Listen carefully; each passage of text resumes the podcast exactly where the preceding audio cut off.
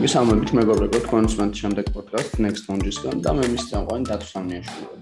აა დღევანდელი ჩვენი სასაუბრო თემა არის როგორც ერთი ხო გასაოცარი, მე ვფიქრ ძალიან საინტერესო, იმიტომ რომ ვისაუბრებთ უძველეს ადამიანებზე, ჰომინიდებზე, რომლებიც მილიონობით წლის წინ, მილიონ 800 წლის წინ ცხოვრობდნენ და კიდე ზოგი უფრო კიდე უფრო ადრე.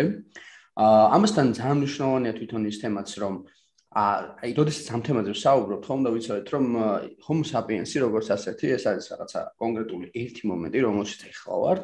თუმცა ადამიანების ჰომინიდების ამ მრავალფეროვანი სახეობები არსებობდა, რომლებიდანაც დღეს მხოლოდ ესე თქვა ჩვენ შემოვჭით. თუმცა ჩვენ აქტიურად ვიკვლევთ მათ, ვცდილობთ გავიგოთ როგორი იყო ჩვენი წარსული, ჩვენი სახეობის წარსული და ასე შემდეგ, ხო?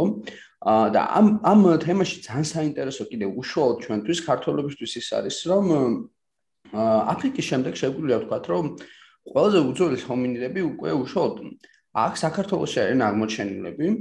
აი სულ რაღაც ცოტა ხნის წინ ასე გაკეთე ძალიან მნიშვნელოვანი აღმოჩენა, რომელიც რომლის მიხედვითაც დაახლოებით 1.800.000 წლის წინდელი ნამარხებია დაფიქსირებული და წარმოიდგინეთ თუ ეს რას ნიშნავს, ხო ეს ძალიან ძალიან დიდი რაღაცა არის და ამ აი ამ ყველაფერზე თუ რა როლი აქვს ამას? დღეს ყავს სტუმარი, ეს არის არქეოლოგი გიორგი ბიძინაშვილი, რომლის რომელიც ხელმძღვანელობდა ამ ძიებას, შეგვიძლია ვთქვათ. და მოკლედ რო აღარ გამიგზავნოს ძალიან ბევრი. გიორგი გამარჯობა. გამარჯობა, მოგესალმებით.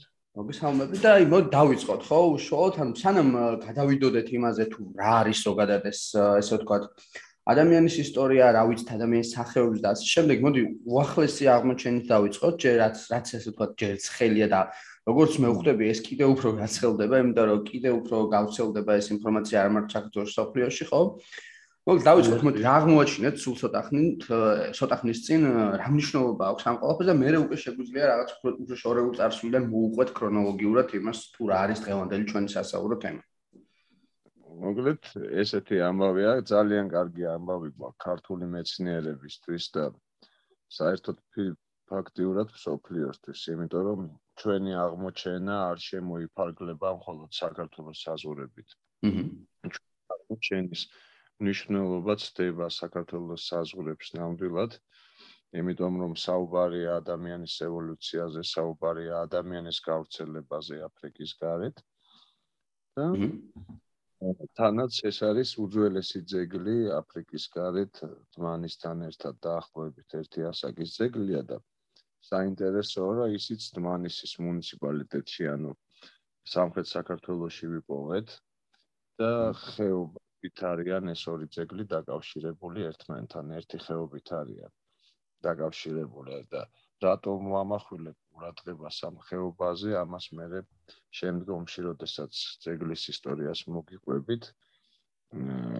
ამას ამის შესახებ მაგ დროს გაიგებთ. კი ბატონო. თქვენ ეხლა მაინტერესებს. მე შემიძლია ახლა უცლად მოუყვე თვითონ აღმოჩენის ისტორიას ამ ძეგლის ამ საკითხით. თუ სხვა კითხვა გექნებათ და მე შემოუბრუნდეთ. მმ ხო, მოდი მაშინ რაღაც ესე ვთქვათ, ინტრიგა დავტოვოთ ცოტა ბოლოსკენ და დავიწყოთ უშუალოდ თემით. ხო, მოდი ესე დავიწყოთ, შეიძლება მსმენელი ახლა ყველას ხსმენია რაღაც დონეზე ის მანის რაღაც ქართ საქართველოსი რა გათხრები და ეს წარმოება მიმდინარეობს? გაგუგია კიდევაც სკოლაში ისწავლება რომ homo sapiens ერთ-ერთი ადამიანის სახეობა არ იყო ხო? ეს ყველაფერი გაგუგია მაგრამ ამ ბერსონელი შეიძლება იყოს ეს რომელიც დეტალურად არის ეს ყველაფერი და მართლაც ესე ვთქვათ პირდაპირ ეს თავი კერძი რო არ მივარდა დავიწყოთ იმით ესე ვთქვათ გემოვნება რო განტრეთი ესე იგი შესავალი კერძით დავიწყოთ კი კი და გემოვნება კარგად ჩამოუყალიბო და ბოლოს უკვე თავარი თავარი კერძი მივარტყათ ხო? მოდი დავიწყოთ მაშინ იმით თუ საერთოდ რაზე ვსაუბრობთ, როდესაც არის საუბარი ადამიანების უძველეს სახეობებზე, იმაზე რომ არსებობენ homo erectus-ები, არსებობენ neanderthal-ები, ну ძალიან ბევრი ხო ამის ჩამოთვლა შეიძლება დიდხანს გაგრძელდეს და ხო აი რა ვიცით მოკლედ დღეს, როდის იყო აი მე მაინტერესებს ზოგადად აი როდის აღმოაჩინეს ზოგადად არქეოლოგებმა და მეცნიერებმა პირველი უძველესი ადამიანის ნამარხები, რომელთაც ან ფიზიკურ დონეზე გაჩნდა ესე ვთქვათ ის რომ აი გვაქვს ჩვენ ახლა ეგრეთ წოდებული სამხილი რომ აი თურმე ადამიანი როგორც ასე როგორც ვიცით რომ ეხა დღეს ფორმა აქვს ესეთი არ ყოფილა ხო ყოველთვის და იყო რაღაც ხო აი აი ეს როდის ჩაგვივარდა ისტორიულად ხელში ამის ესე ვთქვათ მასალები და როგორ მოხდა ეს პროცესი როგორ დაიწყო კი ბატონო, აი ახლა ეს ჩვენ ვისწავლეთ ამის შესახებ ეს ქვისხანის არქეოლოგიის ისტორია, რომელიც იწყება. ხოდა საინტერესო მომენტია, ეს არის 1856 წელი. ნეანდერის მღვიმე გერმანიაში, მე როგორც მახსოვს, იქ აღმოაჩინეს განსხვავებული ადამიანის, ესე იგი, თავის ქალა და ყბა, ყბა იყო თუ არა, ყბა იყო პირველი რაც აღმოაჩინეს. და განსხვავდებოდა ეს ყბა თანამედროვე ადამიანის ყბისგან, ეს იყო ნეანდერტალელის ყბა, იმიტომაც ქვია ნეანდერტალელი, რომ ის ამ ადგილას არის აღმოჩენილი, ესე იგი მე-19 საუკუნის შუა წლებია გერმანიაშია. და ამის შემდეგ უკვე დაიწყო სერიოზულად ძებნა და შესწავლა, ესე იგი, სხვა სახეობების ადამიანის წინარე სახეობებისა. რა თქმა უნდა, უპირველესი და უძველესი სახეობები, რომლებიც აღმოჩენილია დედამიწის ზურგზე, ჯერჯერობით მათი უძველესი კვალი, კვალს მივყავართ აფრიკაში და სავარაუდოდ ესეც იყო. მ ეხლა მოდით ცოტა უკნიდან დავიწყებ კიდე კიდე უფრო უკნდავალ ანუ ადამიანი ანუ ჰომოს ჟანრი რა ანუ ჩვენ ეს ეს ჰომო არის არის ჰომო და მაგრამ მანამდეც იყვნენ გარკვეული არსებები რომლებიც რომლებსაც უწოდებდნენ აი ავსტრალოპითეკებს რითი განსხვავდებოდნენ თქვა ავსტრალოპითეკები და ეს ცნობილი ავსტრალოპითეკი ლუსი რომელიც ესე იგი ფაქტიურად თემა მსოფლიო მიცის და 3.3 მილიონი წლის არის დაახლოებით რითი განსხვავდებოდა ის უკვე ჰომოჟანის ანუ ჩვენი ჩვენ ხომ ჰომოები ვართ ამ ჰომო ერექტუსი ჰომო ნეანდერტალი და ასე. ისინი კი ავსტრალოპითეკები იყვნენ რითი განსხვავდებოდნენ, ესე იგი, ჰომოებმა დაიწყეს იარაღის დამზადება. აი, მამითი ხდება უკვე გაადამიანურება, ანუ აი, რაღაც ჯაჭვს შეიძლება ითქვას უფრო ჭალებში, მან ჩვენ შეიძლება ცხოველები უწოდოთ საკუთარ თავს, მაგრამ ან მაინც რაღაც უფრო ინტელექტის გაჩენის ჯაჭვი მაგდან იწყება, ხო შეგვიძლია? დიახ, აი ესე თქვა და აი გაადამიანურების მაპროვოცირებელი მთავარი ფაქტორია. ჩვენ ამათ მიერ იარაღის დამზადება და აი უკვე საჭმლის მოპოვების სცენარი როდეს ის სცენარი იწლება თან უკვე ესენი ყველაფრის ჭამელები არიან ანუ ხორცსაც ჭამენ სცენარიულ საკვებსაც ჭამენ ეს პირველი ჰომოები და ავსტრალოპითეკები მზე არის თეორია რომ საერთოდ ძირთად სცენარის ჭამელები იყვნენ თუმცა არის ასევე გარკვეული მინიშნებები იმის შესახებ რომ ხორცსაც მოიხმართ თუმცა ავსტრალოპითეკების შესახებ რომ ისინი კონკრეტულად იარაღს იყენებდნენ ამაზე დადასტურებული ინფორმაცია ჯერ არ არსებობს ამიტომ ამაზე ვერ ვილაპარაკებ თუმცა არაფერი არის გამორიცხული. ეხლა რაც შეეხება პირველი ჰომოების გაჩენას. იარაღების მიხედვით და ანუ იარაღები არის უფრო ადრეული ნაპოვნი ვიდრე ჰომოს ჟანრის ანუ ყველაზე ძველი ჰომოების ანუ ჰომო ჰაბილისების ძლოვანი ნაშთები იარაღები იყო სულ რამოდენიმე წლის წინ ლაპარაკობდნენ რომ არსებობს უკვე 2.6 მილიონი წლის იარაღები.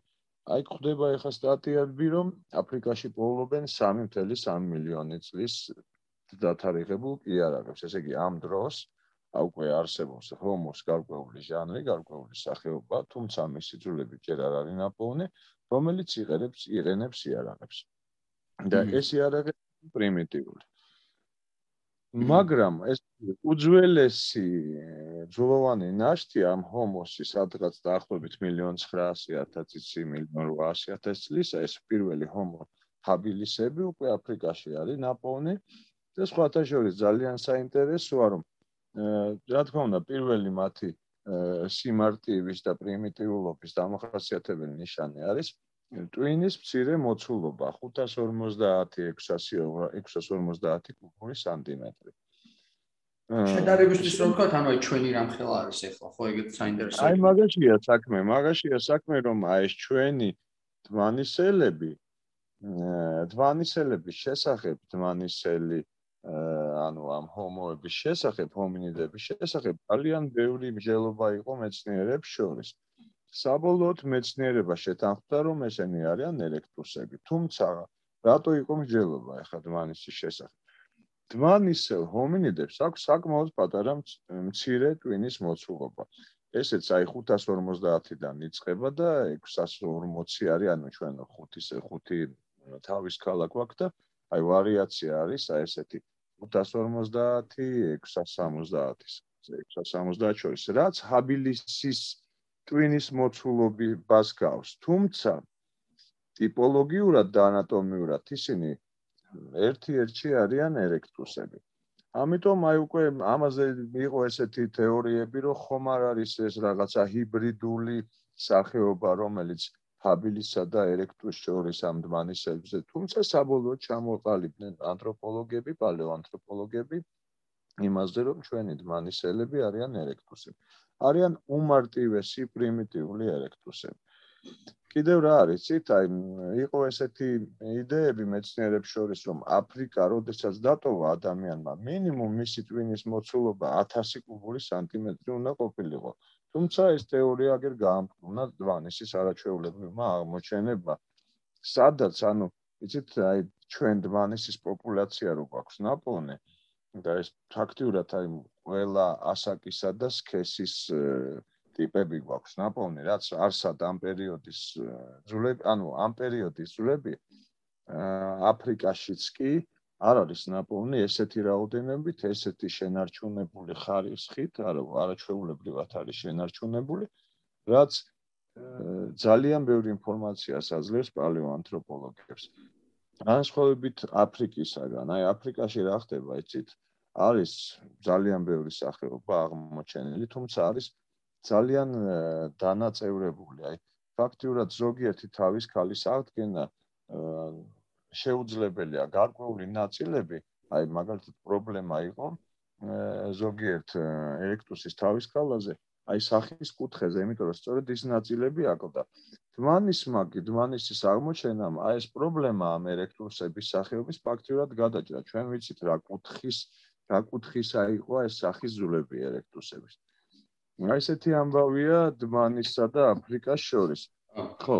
აი ერთი ხო, ბოდიში, აი ერთი ბოდ შეკითხვა გამიშნებ, რომ გონია რომ სმენელსაც შეიძლება გაუშვეს ესეთ შეკითხვა, რომ აი ამბობენ ხოლმე, რომ მაგალითად ესე თქვა აი საიდან ხდება ამის დადგენა, ხო? აი დათარიღება როგორ ხდება? მაგალითად რო საუბრობთ რომ მილიონ 800.000 300 3 მილიონი წლის წინ, ხო? აი ეგ არის საინტერესო იმ სვენელს რო აუხსნათ ალბათ, რომ როგორ ხდება ზოგადად აი ამის დათარიღება, რა პროცესებია ეს და კიდე ერთი ამ ჩაკითხვასავით გამომივიდო და ამაზე აი საუბრობთ ხო რაღაც ხას რომელ რომელ იმას მივიჩნევთ მაინც აი ყველაზე უძველესად, აი რომელზე შეგვიძლია ვთქვათ აი სახეობა რომელიც აი ხო აი რომელიც შეგვიძლია ვთქვათ რომ აი რაღაც აი ის როდესაც ვის თქვით როც სახსენე რომ აი გამოყოფა აი რომელს ვეძახით ამ ხო აი გაკიდე პირველი არის აბილისტი ჯერჯერობით თითულება იცით ეს მეცნიერებაც?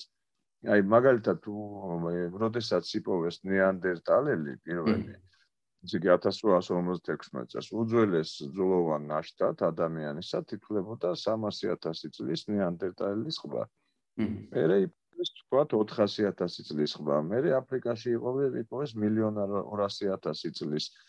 აი ნელ-ნელა მეცნიერება რო ვითარდება და არქეოლოგიაც რო ვითარდება და რაც დრო გადის, უფრო და უფრო მეტი ინფორმაცია გვაქვს.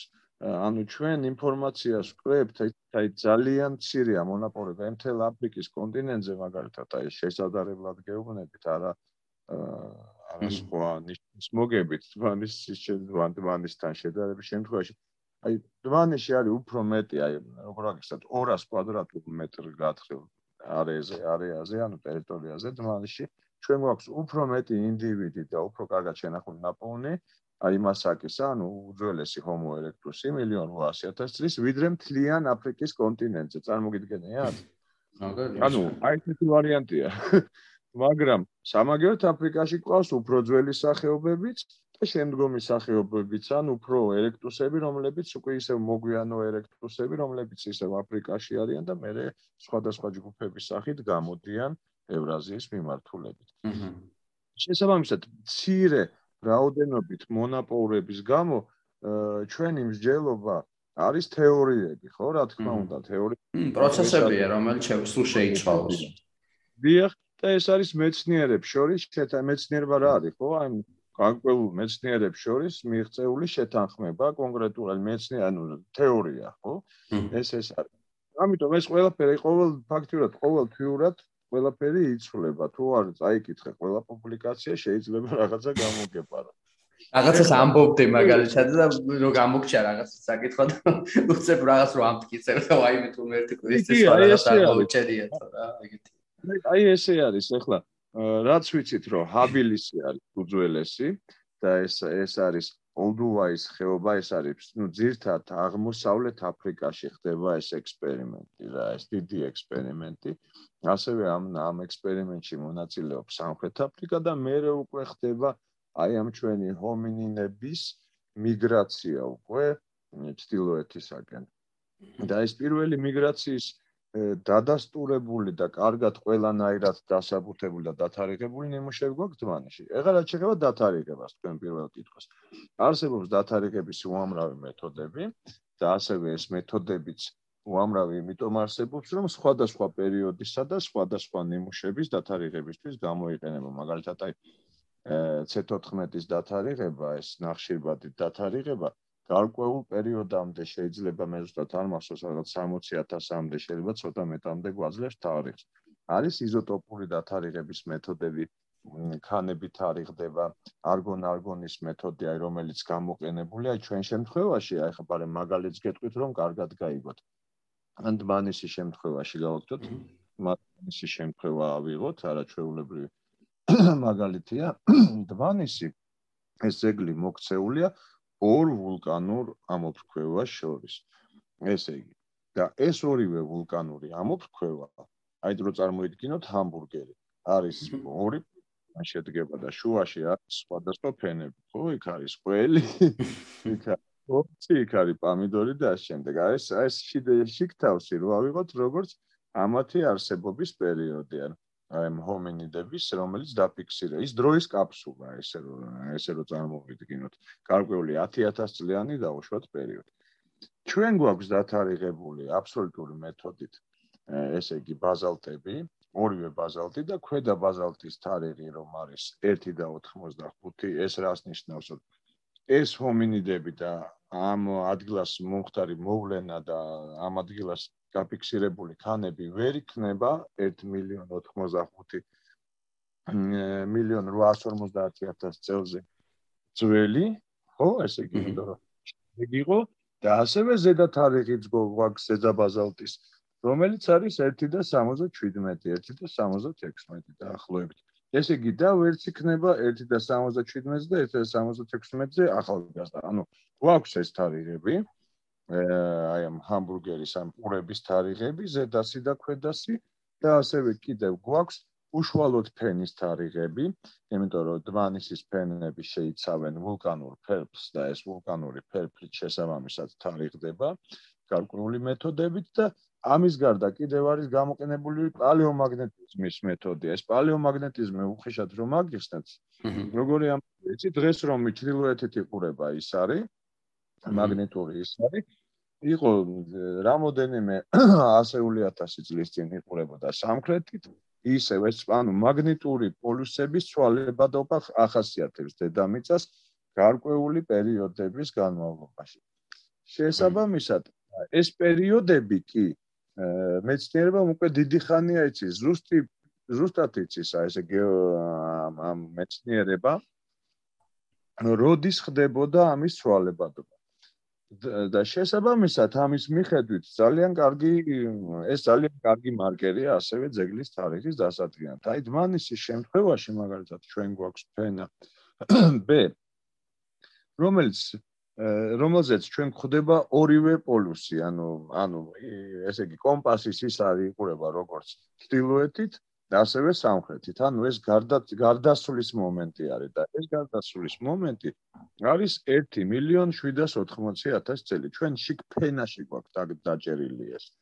ანუ აი იმდენი მეთოდით და იმდენი თარიღით არის გადამოწმებული თმანისი, რომ ნუ ამაზე უკვე არანაირი დისკუსია აღარ არსებობს. ყველანაირი კითხვებზე არის პასუხი მოცემული. მაგრამ ჩვენ მიმართა დვანისთან ერთად ეს ქანები დათარიღებულია ოროზმანის მიმდებარე ტერიტორიაზეც, აი ჩვენი ოროზმანის ძეგლის მიმდებარე ტერიტორიაზეც. და ოროზმანის თარიღები არის დაკავშირებული დმანისის თარიღებთან. ანუ ოროზმანიც აი ესე სენდვიჩივით ძეგლი და ეს უბრალოდ ჰამბურგერებით ძეგლია. თავზე აქვს ლავა, რომელიც 1 მილიონ 77770 წლით პლუს მინუს 10-ით დათარიღებულია და არის ქვევით 1 მილიონ 840000 წლით დათარიღებული. პლუს ამას აა ჩვენ ფაუნა ესე ჯერჯერობით რაც აღმოაჩინდა კარგი ამბავი მაქვს. ალბათ პირველად თქვენთან ვიტყვი. გუშინ წინ აღჩინეთ სპილო. სპილოს ნეკნი გვაქვს. უკვე ესე იგი დმანის ნელ-ნელა ნელ-ნელა დმანის დმანისში არის უკვე ძალიან ბევრი სახეობა აღმოჩენილი ეს ვებხვიც მე ხო ასე შვენ ვებხვიც და რა ვარ მაგვილა ვებხვი კი მაგვილა ხო და ჩვენ ნელ-ნელა ვავსებთ ეხა ჩვენ სადღაც 7-8 სახეობა გვაქვს ჯერჯერობით იდენტიფიცირებული თუმცა ის პილო იყო მუშინდელის სიურპრიზი და ძალიან გაგვეხარდა ანუ ესე საქართველოსი მოკლედ ესე თქვა ნუ ამ დადიოდა სპილო წოდესღაც ხო?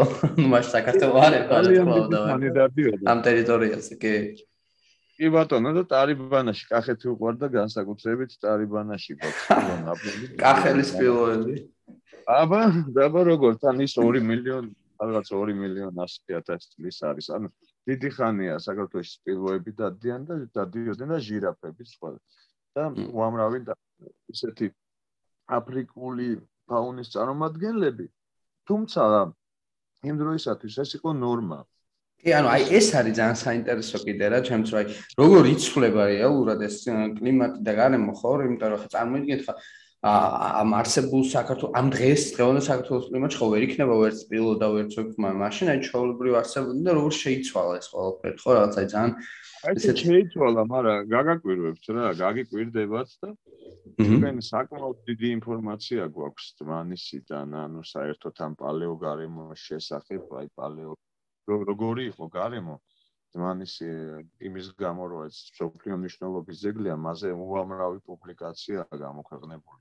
სოფლიო სამეცნიერო ლიტერატურაში და რას გვებულობთ ეს ჩემთვისაც სიურპრიზი იყო, როდესაც წავიკითხე პირველი, მეორე, მესამე და ნუ და იცით ძალიან დიდი განსხვავება სტურმე კლიმატურ პირობებში არ ყოფილა. აი დმანისის შემთხვევაში ჩვენ გვაქვს როგორც აფრიკაში როა და რო იწვის და რაღაცა ეს სავანა კი ჩვენც გვაქვს სავანა, მაგრამ ფართოფოთლოვანი ტყეებით არის სავანა, ესე იგი, ეს დმანიში ღია გაშლილი ადგილებია. ზამთარშიც ვერ გეტყვით, რომ ძალიან ცხელა, საკმაოდ გრილა, ну ეხლა ალბათ სავარაუდოდ ქვევით არ ჩადის ტემპერატურა 0-ს ქვემოთ. და აი ცხოველებიც ეს თვითონ ჩვენი კონტინენტის, ანუ აი აფრიკის სპილოები კი არ არიან, აი ევრაზიის სპილოები არიან. აი ეს ცხოველები, ასევე ეს ვეფხვებიც, სხვა და სხვა ცხოველები აი ნუ წარმოვიდგენთ რომ არიან აფრიკიდან ვეფხი საერთოდ აფრიკაში არ ცხოვრობს ხო ეს იქ აფრიკაში ლომია მე რომ აი სახეობები ეს სახეობები არიან ევრაზიისათვის და მეტუმეტე სამხრეთ კავკასიისათვის დამახასიათებელი სახეობები. დაახლოებით აი ჩვენზე უფრო თბილი ტემპერატურა იყო, იყო ტბები, მდინარეები, და აი ტბა, ტბა რომ ტბა იყო ძალიან მნიშვნელოვანი საერთოდ და არის სულ ძალიან მნიშვნელოვანი ჰომინინების ძეგლის საპოვნელად. აი მაგალითად აფრიკაშიც კი რაც კი ნაპოვნე არის აი ეს უძველესი ადამიანის განამარხებული ნაშთები აუცილებლად პალეო, ანუ ეხლა აღარ არსებობს ეს ტბები, მაგრამ იმ დროს არსებობდა, როცა ეს ადამიანები არსებობდნენ, პალეო ტბის გარშემო არის ერთადად ნაპოვნი. სწორედ ჩვენთვის ეს პალეო ძველი პალეო ტბის მოძებნა შემდეგ ომში კი მის გარშემო ძეგლის ძებნა იყო ძირითადი მარკერი აი როდესაც დავიწყეთ ოროზმანზე მუშაობა ოროზმანის მოძებნა ასე ვთქვათ აჰა ხო, აი ეგ მივედით, იცი? ხო, ხო. თქვი და მე მე დაგიშავ შეკითხვას კიდე. ანუ ეს ამბავი იყო, ანუ დმანიში, ხა მე მოგიყვებით თავიდან ისტორიას და დაახლოებით იგივე ისტორია არის გეოლოგიური წარმოშობისა, ანუ გეოლოგი ჩვენი მეცნიერება, ანუ ქვის ხანის არქეოლოგია მულტიდისციპლინური მეცნიერება, ანუ მარტო არქეოლოგები რომ მუშაობდეთ, ვერაფერს ვერ მივახცევდით, ეს ცოტა ეს არის მე-19 საუკუნის სტილი, ხო იცი? იყო ალბერტ შტიმანი და დანარჩენი მუშები. ეხლა უკვე დღესდღეობით მულტიდისციპლინარული მეცნიერება აი შეკითხვა უნდა დამეშვა ზუსტად ეხლა. დიახ, აი და აქ მონაწილეობენ, უნდა იყოს აუცილებლად არქეოლოგი, გეოლოგი, პალეონტოლოგი, პალეოანთროპოლოგი, კლიმატოლოგი, შეიძლება გლასიოლოგი, აა მე ბიოლოგი, პალინოლოგი, ანუ იცით აი მთლიანად ფიზიკა, გეოფიზიკოსი აქ არის, აქ არის უკვე ამბოლდოს უკვე კოსმოსურ ამის ტექნოლოგიებსაც გამოიყენა, რა თქმა უნდა ეს ეს ესენი სატელიტური დაზვერვები და ჩვენთვის მნიშვნელოვანია გეოლოგების ჩანაწერები, აი ძალიან უკვე მრავლის მომცველი მეცნიერება გახდა თანამედროვე არქეოლოგია და მით უმეტეს ფისკანის არქეოლოგია, რომელსაც ისეთ გეოლოგიურ პერიოდებთან უწევს მუშაობას, სადაც ამ სპეციალისტების, კარგი სპეციალისტების garaში პრაქტიკულად წარმოუდგენელია რომ მიაღწიო წარმატებას. აი აი ესეთი როგორ როგორ იტყვიან ინგლისურად რო იტყვიან complicated და ესეთი კომპლექსური ის არის მოკლედ კომპლექსური მეცნიერება და ეხლა რაც შეეხება მეთოდოლოგიასაც მოგიყვებით აი ეგ მაინტერესებდა ხო და მე შეგვიძლია ალბათ რომ აი პატარა იმასავით რო გამოვიდეს რა აი რაღაც აი როგორ ხდება უშუალოდ აღმოჩენის პროცესი როგორია? ან შეიძლება იმედ გაცრუებისაც როგორ იყოს, ну მაქსიმალურად პატარა იმას შექ. მაგასაც დიდხანს მოუნდებით ალბათ რომ მოუყვეთ, მაგრამ მაინც რომ შევეხოთ მაგასაც. აი მოგეთ მოგიყვეთ, მოდით ჯერ მე მოუყვები მაშინ კიდე უკნიდან დავიწყებ და როგორ წარმოიშვა დმანისი და ოროზმანის ძეგლი. ძალიან მოგიყვებით. მოკლედ იყო ვულკანური ამოფრქვევა სადღაც 25 მილიონი წლის წინ. ეს ვულკანი თუ არ ვწდები ემლიკლი ქვია და სამხრეთ საქართველოსში არის ეს ვულკანი 60-65 კილომეტრით არის მოშორებული ჩვენი დმანისიდან და ოროზმანიდან მიახლოებით და წამოვიდა დიდი ლავა, რასაც ქვია მაშავერას ლავა და ამან შეავსო ეს მაშავერას ხეობა და დიდი ნაწილი, საკმაოდ დიდი ნაწილი მოიცვა სამხრეთ საქართველოსი და ეს ამოფრქვევა მოხდა 1.850.000 წლის წინ დაახლოებით. ვა ამ ამოფრქვევამ გადაკეტა რა თქმა უნდა როდესაც ვულკანი კოთხევადი მასაა და ეს წარმოიდგინეთ ფაფუტავით მასაა და როდესაც უსწორ მასწორობებია ზედაპირზე პირველ რიგში ეს თხევადი მასა ამ უსწორ მასწორობებს ავსებს და მთავარი უსწორ მასწორობები ჩვენ შემთხვევაში ეს არის ხეობები ხო შესაბამისად ხეობებში შემოვიდა ეს ლავა ხეობებში ლავის შემოსვლამ პროვოცირება გაუკეთა, ესე იგი გადაიკეტა ხო მდინარეები. შესაბამისად, გადაკეტილ მდინარეებთან წარმოიქმნა პალეო ტბები, ზუსტად აი ლავის ზედაპირზე. რა თქმა უნდა, დროთა განმავლობაში მდინარე მაინც თავის საქმექნა, საქმექნა გაჭრა ეს ბაზალტი იმ წყალს ხო უნდა დაგასავალი და აღარ არსებობდა ეს პალეო ტბები. სწორედ პალეოტბების არსებობის დროს და დვანის შემთხვევაში და შესაბამისად ოსმანის შემთხვევაში ეს ორი განსხვავება სხვადასხვა ტბა იყო. საუბრობდეთ ერთ დროს არსებული. აი აქ უკვე მოდიან ეს ჰომინიდები საფდებიან ძალიან დიდხანს ცხოვრობენ საკმაოდ დიდხანს ცხოვრობენ. ეხლა ის შემთხვევაში სადღაც 10-11 ფენა არის სადაც აი სულ ეს ჰომინიდები მოდიან. თუმცა ყველა ფენაში ჩვენ არ გვაქვს ჰომინიდების ნაშთები, მაგრამ მათი აქტივობის დამადასტურებელი და იქ ყოფნის დამადასტურებელი არტეფაქტები, ანუ იარაღები გვაქვს. ამიტომ არის ესე იგი საინტერესო, რომ დმანისი ჰომინიდები თუ კიდათ არიღებული არიან 1.780.000 წლით, ჩვენ მათზე ძველფენებშიც კი დმანიში გვხვდება ქვის იარაღები, მაგალითად უძველეს ფენა, სადაც დმანიში ქვის იარაღები გვხვდება, ეს არის 1.800.000 წელი. ესე იგი 30000 წლით ადრე ვიდრე ჩვენ პოულობთ უკვე ძვლოვან ნაშთებს, იქ ისე მოდიან და აქტივობენ ჰომინიდები. აი, აი ესეთი აი ესეთი უცნაური, მაგრამ საინტერესო მეცნიერებაა ეს ჩვენი არქეოლოგიის ქვის არქეოლოგია განსაკუთრებით.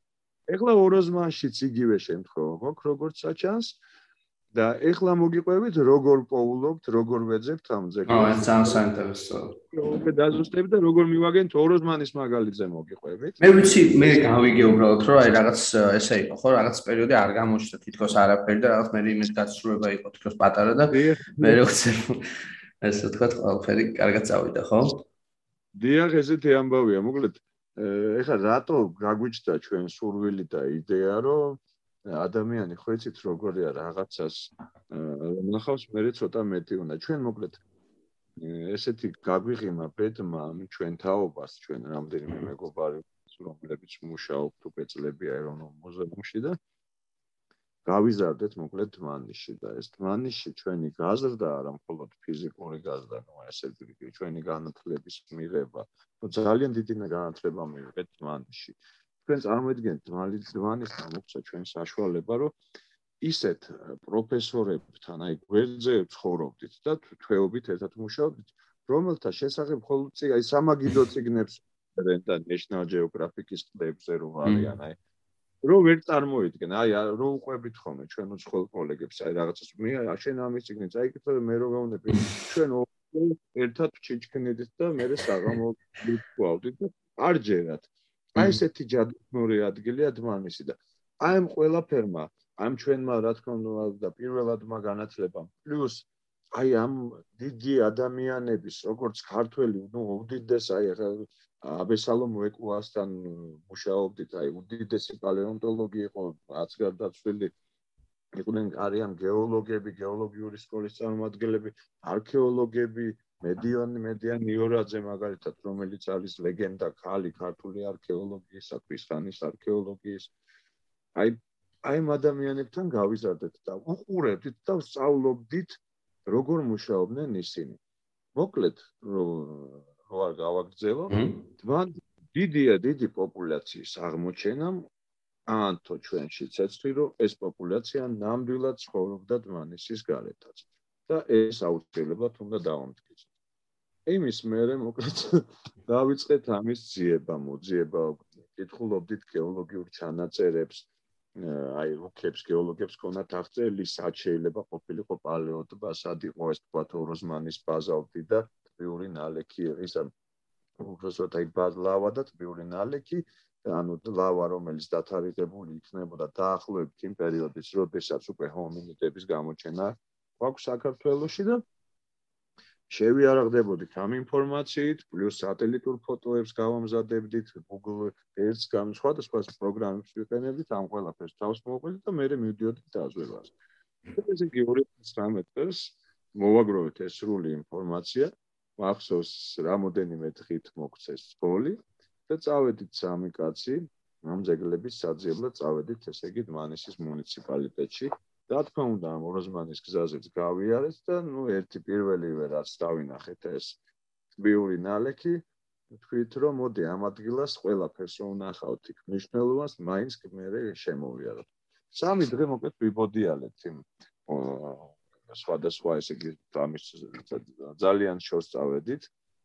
ვერაფერი ვერ ნახეთ გარდა რაღაცა უფრო ბევრად ადრეული პალეონტოლოგიური ძვლის ნიმუში ვნახეთ რომელიც სავარაუდოდ მიოცენური იქნებოდა 7 მილიონი წლის. რაც ახლა ჩვენ პალეონტოლოგს კი ძალიან გაუხარდა მაგრამ დიდათ აღებია იმიტომ რომ მე არქეოლოგი ვარ და მაინც ანუ ადამიანის არსებობა თუმცა ისე რა თქმა უნდა მე GPS-ით კოორდინატებს ვიღებ დღეებს ვაწარმოებ რომ საბოლოო ჯამში ჩვენ თუ არა სხვა ადამიანო სხვა შემოდეგმა თაობამ გამოიყენოს ეს ყველაფერი და მახსოვს აი მივდივართ უკვე თბილისში უნდა წავიდეთ ცოტა ხანში და ველი დამბრუნდებით და მოსაღამოებულია და მეთქი უცბად გააჩერე და უღრიალე. ძროს მე მგონი ის ამოუწია რა ქვია ხელის ტორმოზი რა ეს არა მოდი. იმიტომ რომ ნუ ეს ეს ადგილი აი რო არ გვენახა უკვე ძალიან გაბრაზებული დაუბრუნდებოდი თბილისში და გადმოხდით მე და ნიკა. და ნიკა ეს ნიკა ვანიშუაზე საუბრობ რომელიც ჩემი აზრით აი ერთ-ერთი საუკეთესო პალეონტოლოგია საქართველოში. ეს 20 წელია ძალიან დიდი სკოლა ქონდა ჩვენ საერთოდ პალეონტოლოგიური პალეო ან პალეობიოლოგიის ინსტიტუტი არსებობდა ესეც საქართველოში და გაზარდეს აი მოკლედ მოებმა რა ეს ჩვენი ნიკაც. და ნამ ჩვენ მონიკა მაგაშია საქმე მაგარი როა. უცბად პროფილიდან გამოშვერილი ეს პეტიანი რაღაც დაინახა და გამოაძრო ხმალკბილავებხვის კბილი. ანუ რომელიც ხმალკბილავებხვის თავარი სიმბოლო რო არის რა ახლოებით 5 სანტიმეტრის სიგრძისა შემომხედა და მეუნება. გიორგი შეხოიცი. ეს მილიონ ნახევარზე ძველია. ანუ უკვე ესე იგი ხმალკვილა ვეფხი სამხრეთ კავკასიაში გადაშენდა. მილიონახევრის მე ნუ არ ხდება რა ეხლა რაც ვიცით რა ნუ პალეონტოლოგებისგან. და მეც უცბად ეს კაპჩა ჩვენ არქეოლოგიური კაპჩები გვაქვს და მოვქექე და რაღაცა გამოშველი ეს ლურჯი ფერის შენახული მაქვს, არ ვიცი, მე სადღაც დარწმუნებული ვარ, ეს ანატკეცი დაიდებს და ეს კბილი აი ძალიან დიდ ჩვენს ეროვნულ მუზეუმში მნიშვნელოვან ადგილას იქნება. აი ეს პირველი მივწიცებით.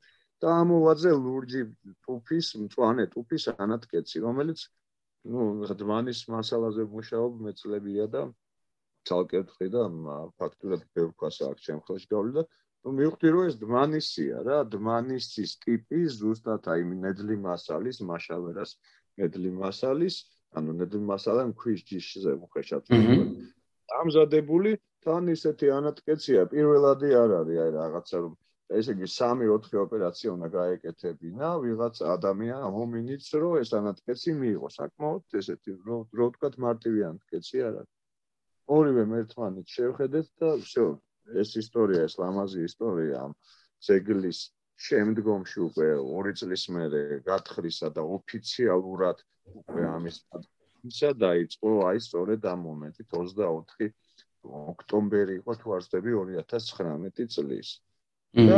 ეს სელფი ნანახი მაქვს მე მგონი მე ანუ მან გადაღებული ხო? აი ეს არის მე ეს არის სელფი რა ეს გაღიმებულები ვარ ორივე გელართ და მივხვდით რომ ჩვენ საქართველოს გაუკეთეთ აი ძალიან კარგი რაღაცა და ეს ეს ზეგლი ეწოდინებათ აუცილებლად ყველას ეწოდინებათ მე იყო ურთულესი ორი წელი. ნუ აი ყველანაირად ხარში გვედგა ჩვენი ეროვნული მუზეუმი.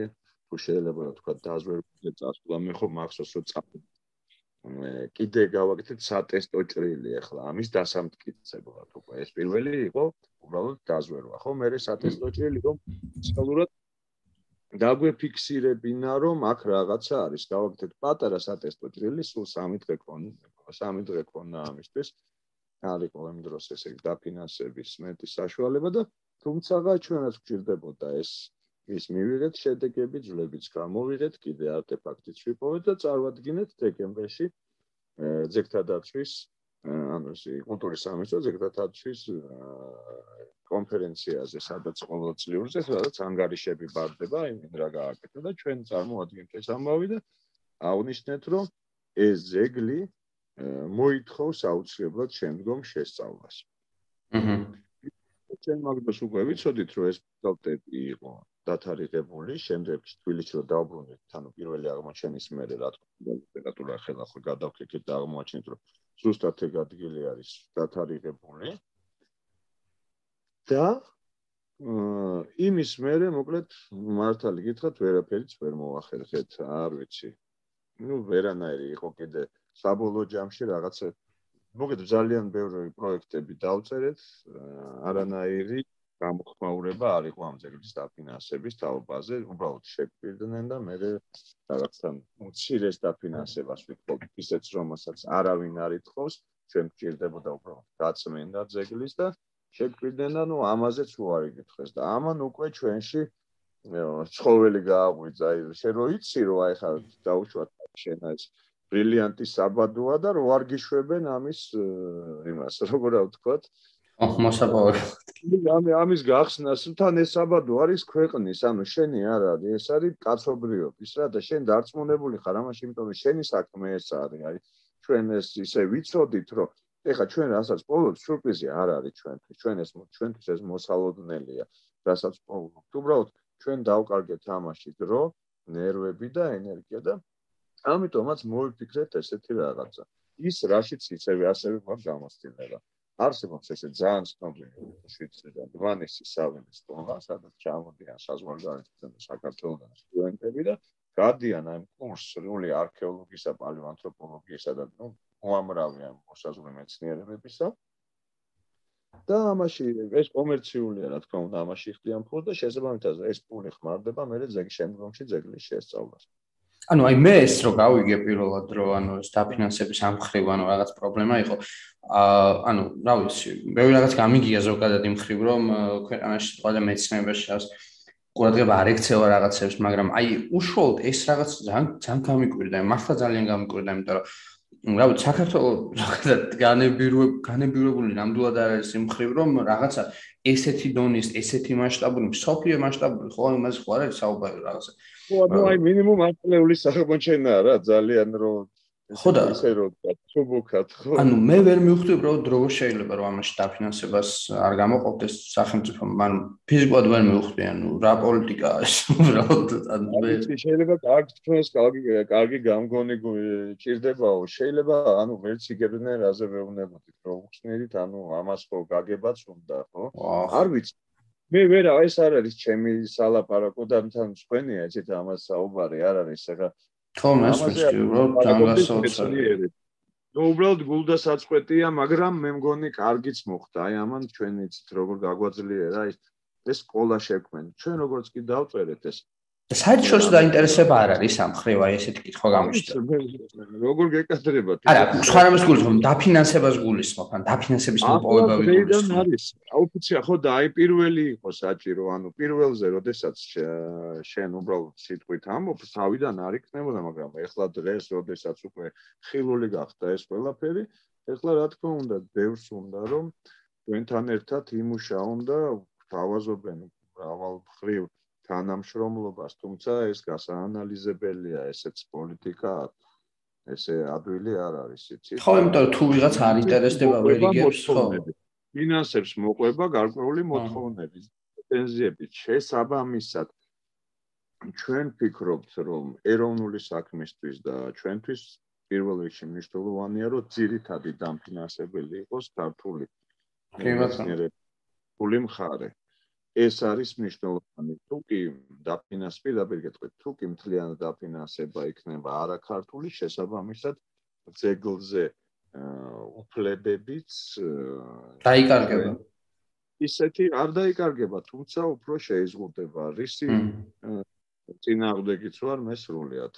რა თქმა უნდა, სახელმწიფოც პირველ რიგში ამის წინააღმდეგი უნდა იყოს და ინტერესი იყოს, რომ ეს ჩვენ იმას ჩვენ იმას არ გასცდეს ხო ამ შემთხვევაში და რაღაც სოფლიოს ამ ამითაც გავეცნოთ რა ვიცი და ამ რა იმიტომ რომ ამაზე ანუ მეცნიერებაზე განათლებაზე ჩადებულ ინვესტიციაზე მნიშვნელოვანი კონცეფტი ინვესტიცია არის ხო ხდები თქვენ ხო მაგალ მეცნიერებაზე და ზეგზე რომელიც ამაგიდო ციგნებში მოხდება ძალიან მალე მალე რას ეს ნიშნავს იმას როდესაც უკვე ოფიციალური სტატია დაიბეჭდება რეფერირებად საერთაშორისო ჟურნალში უბრალოდ დმანისის გვერდით დაიკავებს თავის ადგილს ეს ჩვენი ზეგი კი ბატონო შემდეგში მოკლედ იმის თქმა მინდა რომ რა თქმა უნდა დაიჯერეს ამერიკელებმა განსხვავებით ჩვენი და ესე იგი იმათამი ადამიანებისგან დაფინანსებათან პრინციპში არ ვიცი ვიტყვი მაშინ რა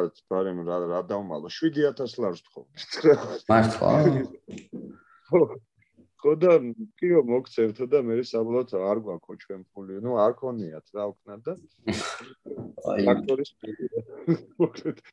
ხო და ესე მოხდა და აი მან ჩვენ ისე ისე გაგვაძლიერა და თან რაღაც გამოცდილება მაქვს მე ამის გარდა ცოტა ვინის ფესტივალს ვაკეთებ ხოლმე და ცოტა ვიცი საუბარი ამ სპონსორებთან და სუფთა მეცნიერი სამპლუადან გამოვედი, გამომიყვანა მაიძულა და გავხდი ისევ აი ვინის ფესტივალის მენეჯერი და მე მეგობრები დამედნენ ხარში უამრავია, ну არ ვიცი და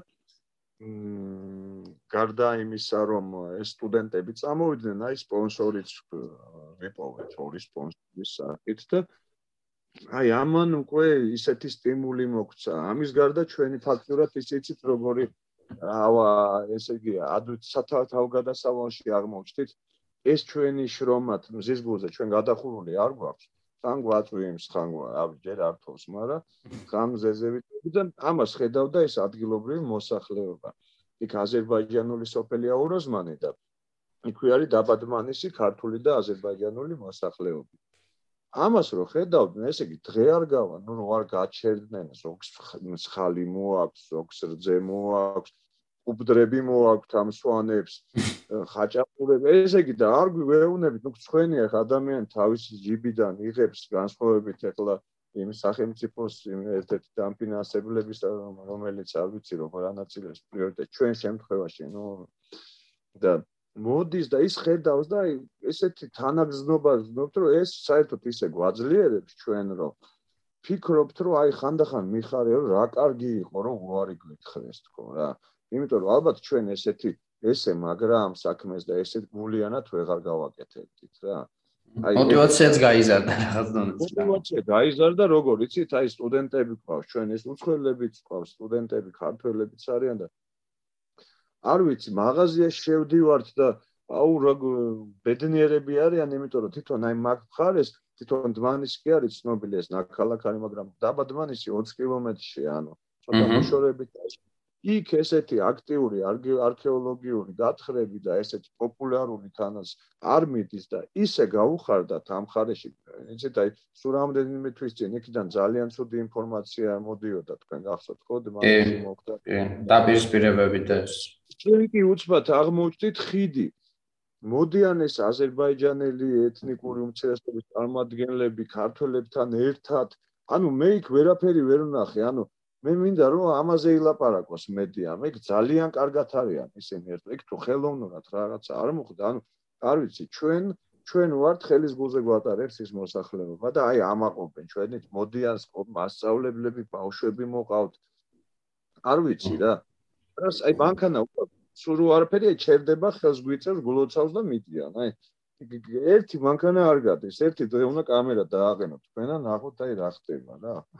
ხო აი ესეთი რაღაცა უკვე არქეოლოგიური გათხრებს გაცდა ეს აი სოციალური მოვლენა მოხდა აი ესე მგონია რომ ჩვენთან ერთად აი ზურგს გვიმაგრებს აი თელი თელი საქართველოს აი ზოგი წერს მე რე იყო ესეთი ისა რომ მოდი ანგარიში და თუ აი ამას ჩვენ კონკრეტულად ეს გადავწყვეტ რომ არავითარ შემთხვევაში ჩვენ ჩვენ ანგარის არ არ გავა საჯაროებთ.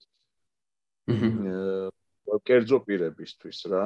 აი ეს ჩვენთვის მიუღებელია ესეთ მithumet ესეთ მდგომარეობაში ჩვენ ქვეყანაში ხდება გაჭირვების ხრივ. კერძო ფირმებს და კომპანიებს კი რა თქმა უნდა მივაწვდით და ძალიან მადლობლები ვიქნებით რომ ეს მოდელი ანუ მეცნიერების დაფინანსებისა კერძო კომპანიების მხრიდან აი ჩვენი მოდელი სხვა ზეგძლებზეც და სხვა არქეოლოგიურ ექსპედიციებზეც ამუშავდეს. იმიტომ რომ აი ჩვენ ეს პლანეტში ვმუშაობთ ამ დმანისის გამო ბევრი ექსპედიციების წევრები ვართ, ბევრი მნიშვნელოვანი ექსპედიციის სამეცნიერო ჯგუფში მონაწილეობთ და აი მაგალითად ეს პლანეტში არის ატაპუერკა, ну არაჩვეულებრივი ძეგლი არის, დმანიზე ნახევარი მილიონი წლით ახალგაზრდა, თუმცა იქ სხვა კომპლექსებიც არის ზეგლების კიდევ უფრო ახალგაზრდა და იმის სპონსორების დაფასთან მაქვს მე გადაღებული სურათი და დაახლოებით არის 100 სპონსორი. წარმოიდგინეთ და უკვე სახელმწიფოს წილი მათ დაფინანსებაში ისეთი მაღალი აღარ არის. აი პრინციპში არ სჭირდებათ, ან თუ ჭირდება, რა თქმა უნდა ჭირდებათ და შეიძლება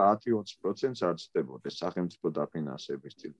აი ჩვენ გვინდა რომ აი ეს არის ევროპული მიდგომა და ეს მიდგომაც გადმოვიტანოთ არა მარტო როზმანზე, ყველა ექსპედიციაზე. ჩვენი კოლეგებისთვისაც გვინდა ეს და აი ეს მოდა გვინდა ევროპული მოდა რო შემოვიდანთ. ჩემი აზრით აი სულიად სახელმწიფოს დაფინანსება ეს არ არის ევროპული მოდელი. ალბათ თქვენც ესე ფიქრობთ. კი, მესმის, მესმის. კერძო სექტორი უნდა განათლებასა და ესე იგი კულტურაში უფრო მეტად უნდა აქტიურობა. ეს რა აი ეს არის ევროპა ჩემთვის ეს არის ამერიკა ჩემთვის ეს არის ის მისწრაფება საითაც მივისწრაფი და რისი ნაწილიც ვიყავით ხო ანუ ევროპის შექმნიდან ხო ესე იგი ეს პირველი საბერძნეთთან ანუ ნამდვილად ჩვენი ყველაფერი ჩვენი მონაცემ ჩვენ ევროპის ნაწილი ვართ ჩვენი ისტორიით თუმცა ამჟამად ხა ბოლო 200 წელია იცით? აა, ცოტა კრიზისი ყავს. აქედან გამოსვლა არის ძნელი, აი აქედან, აი აქედან ეს ო, თუმცა აქედან გამოსვლა ზუსტად არის, ესე ვთქვათ, ვიცით ეს რაც არის, არის განათლებაზე და მეცნიერებაზე გადის, ხო, ამაც ყველაფერი და და ეს არის თამამი გადაწყვეტილებები, ეს არის გარის ყვა, კარგი სქევ, ანუ ჩვენ გავრისკეთ, ხო, ესე იგი, დავიწყეთ გათხრები უფულოდ. პირდაპირ აი ეს ვაბანკზე წავედით, ეს იყო პირველი მომენტი ჩემს ცხოვრებაში, როდესაც მე ვთქვი, რომ მე სექტემბრის მერე გეგმა არ მქონდა რა უნდა გამეკეთებ. მე ვიცოდი, რომ მე ეს უნდა გამეცხადო. როგორ ანაირად და აი ეს მეგობრების დახმარებით და აი ამ საზოგადოების თლიანი რა ხელშეწყობით დავიწყეთ და ვთხრით მიდის ახლა ამ ძეგლის გათხრა და თქვენ ნახეთ ხო ალბათ 20-25 დღე ნუ ერთი თვეა გასული და ძეგლზე ლაპარაკობენ თელ დედამიწაზე. არ ვიცი News-ზე და Associated Press და კანადა თუ აი ესეთი ქვეყნის პირველ ჟურნალებში იწერება უკვე რომ ესეთი აღმოჩენა, ანუ მთელი მსოფლიოს აინტერესებდა ეს ამბავი განსხვავებით ზოგ-ზოგი ერთების სახალ. ალბათ მოხდა აინტერესებდა ჩვენი კარი ღია მათთვის, ჩვენ როგორ ეხა წითელ ხას ხო არ გადავშვით. მოვიდნენ და დაგვიანება ჯობია, ანუ ჩვენ ხარში დგომა როგორც სახელმწიფოს, ხო ძალიან მნიშვნელოვანია ჩვენთვის, თუმცა კერძოს ეს ამოდის დანერგო არ ვარ კერძო სექტორის მაქსიმალურად ჩართვა მეცნიერებაში არის პრიორიტეტი რა. ცოტა ბევრი გამომივიდა. ამაზე ეს სისტემა ხო რაც რა.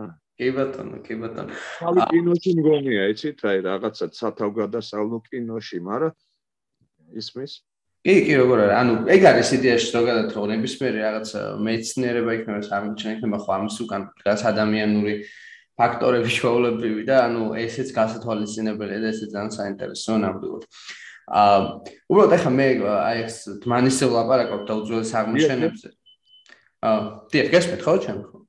რა თქმა უნდა. ხო, ანუ და ეს დმანისზე ვლაპარაკობ და უძველეს აღმოჩენებზე, ანუ ჩვენთვის ახლა ზოგადად საქართველოს შეიძლება ადამიანმა აა ეს არქეოლოგიური მიჩნევით არ იყოს საინტერესებული, ანუ შუალ ამაზე ინფორმაცია არ კონდეს, მაგრამ ზეზო ადამიანზეა ყოველს გაუგია.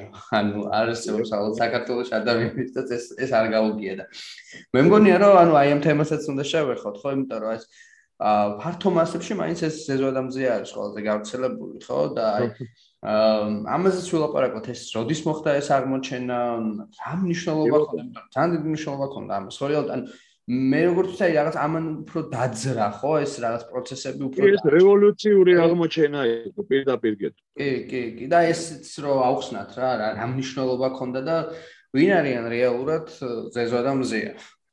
თქვენ იცით, აი როგორი სიმბოლურია ჩვენი დღევანდელი ჩართვა, თქვენ ვერც კი არც კი წარმოგიდგენიათ, სწორედ ამ დღეს 91 წელს აღმოაჩინეს პირველი ყბა თმანიში. და დღეს არის წლის იუბილე პირველი ხმის აღმოჩენისა, დმანისის პირველი ხმის აღმოჩენისა. აი გაგიკეთებათ და ამიტომ შემდგომში მე ჩართვა მექნება მეც უმში ამ პატარა ეს იქნება ამაზე ჩართვა. ამ დღესთან დაკავშირებით და ესე იგი 91 წელს როგორც ვიცით რომ აღმოაჩინეს ეს პირველი ყბა აჰა ეს იყო რევოლუციური აღმოჩენა და რატომ მანამდე იწლებოდა რომ აფრიკა ადამიანს დატოვა 1 მილიონი წლის წინ. არ ჯეროდათ არავის ეს წარდგენ პირველ ხმა წარადგინეს გერმანიაში კონფერენციაზე რაც იმყოფებოდა დათოლორდ კიფანიძე ლეო გაბუნია აბესალომოვე ყვა ეს დიდი ქართველი მეცნიერები. ახალგაზრდა იყო მაშინ დათოლორდ კიფანიძე და და ამ ყმის წარდგენა. და ნუ შეუძლებელია ეს წარმოუდგენელი ხა როგორია 800000 დაძველებთ აფრიკიდან ადამიანის გამოსვლას. ანუ რეალ თელის შეხედულება რაც იყო მაშინ ამ არქეოლოგიაში და მასებში გადაატრიალა, ხო გამოდის. ეს იყო რევოლუციური. ა და ამან მოყვარო დმანისი ხა მე მგონი ხუთი ყდა არის National Geographic-ის გამოსული დმანისი. ამის გარდა Science, აი ყველაზე დიდი სამეცნიერო ჟურნალი რაც კი არსებობს რა.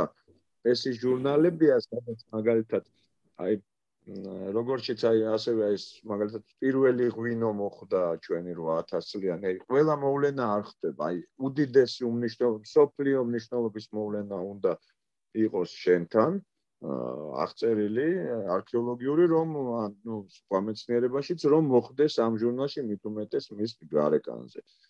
აჰა ესეთი ამბავი იყო და მე მას მოყვა უკვე 90 წელს იპოვეს 2000 წელს იპოვეს მე 2005 წელს 2003 წელს და 2005 წელს უკვე მე მახსოვს მე ვიყავი ველზე პირადად. აი ეს მეხუთე თავის ქალის აღმოჩენა რომელიც საერთოდ ამან ფურორში ჩააგდო მსოფლიო იმიტომ რომ ანატომიურად ძალიან განსხვავდებოდა სხვა დანარჩენებისაგან ბევრად უყეში ნაკვთები ქონდა და ძალიან დიდი განსხვავება ქონდა მოკლედ დანარჩენი თავის ქალებისაგან. ჩვენ მისი ყბაც ქონდა ნაპოვნი ცოტა ადრე და მოხდა თავის ქალისა და ყმის შეჯერება და ფაქტიურად პირველ ნახვაზე მეცნიერებმა დაიწყეს მეორე სახეობაზე ლაპარაკი დმანში. იმდენად განსხვავდებოდა.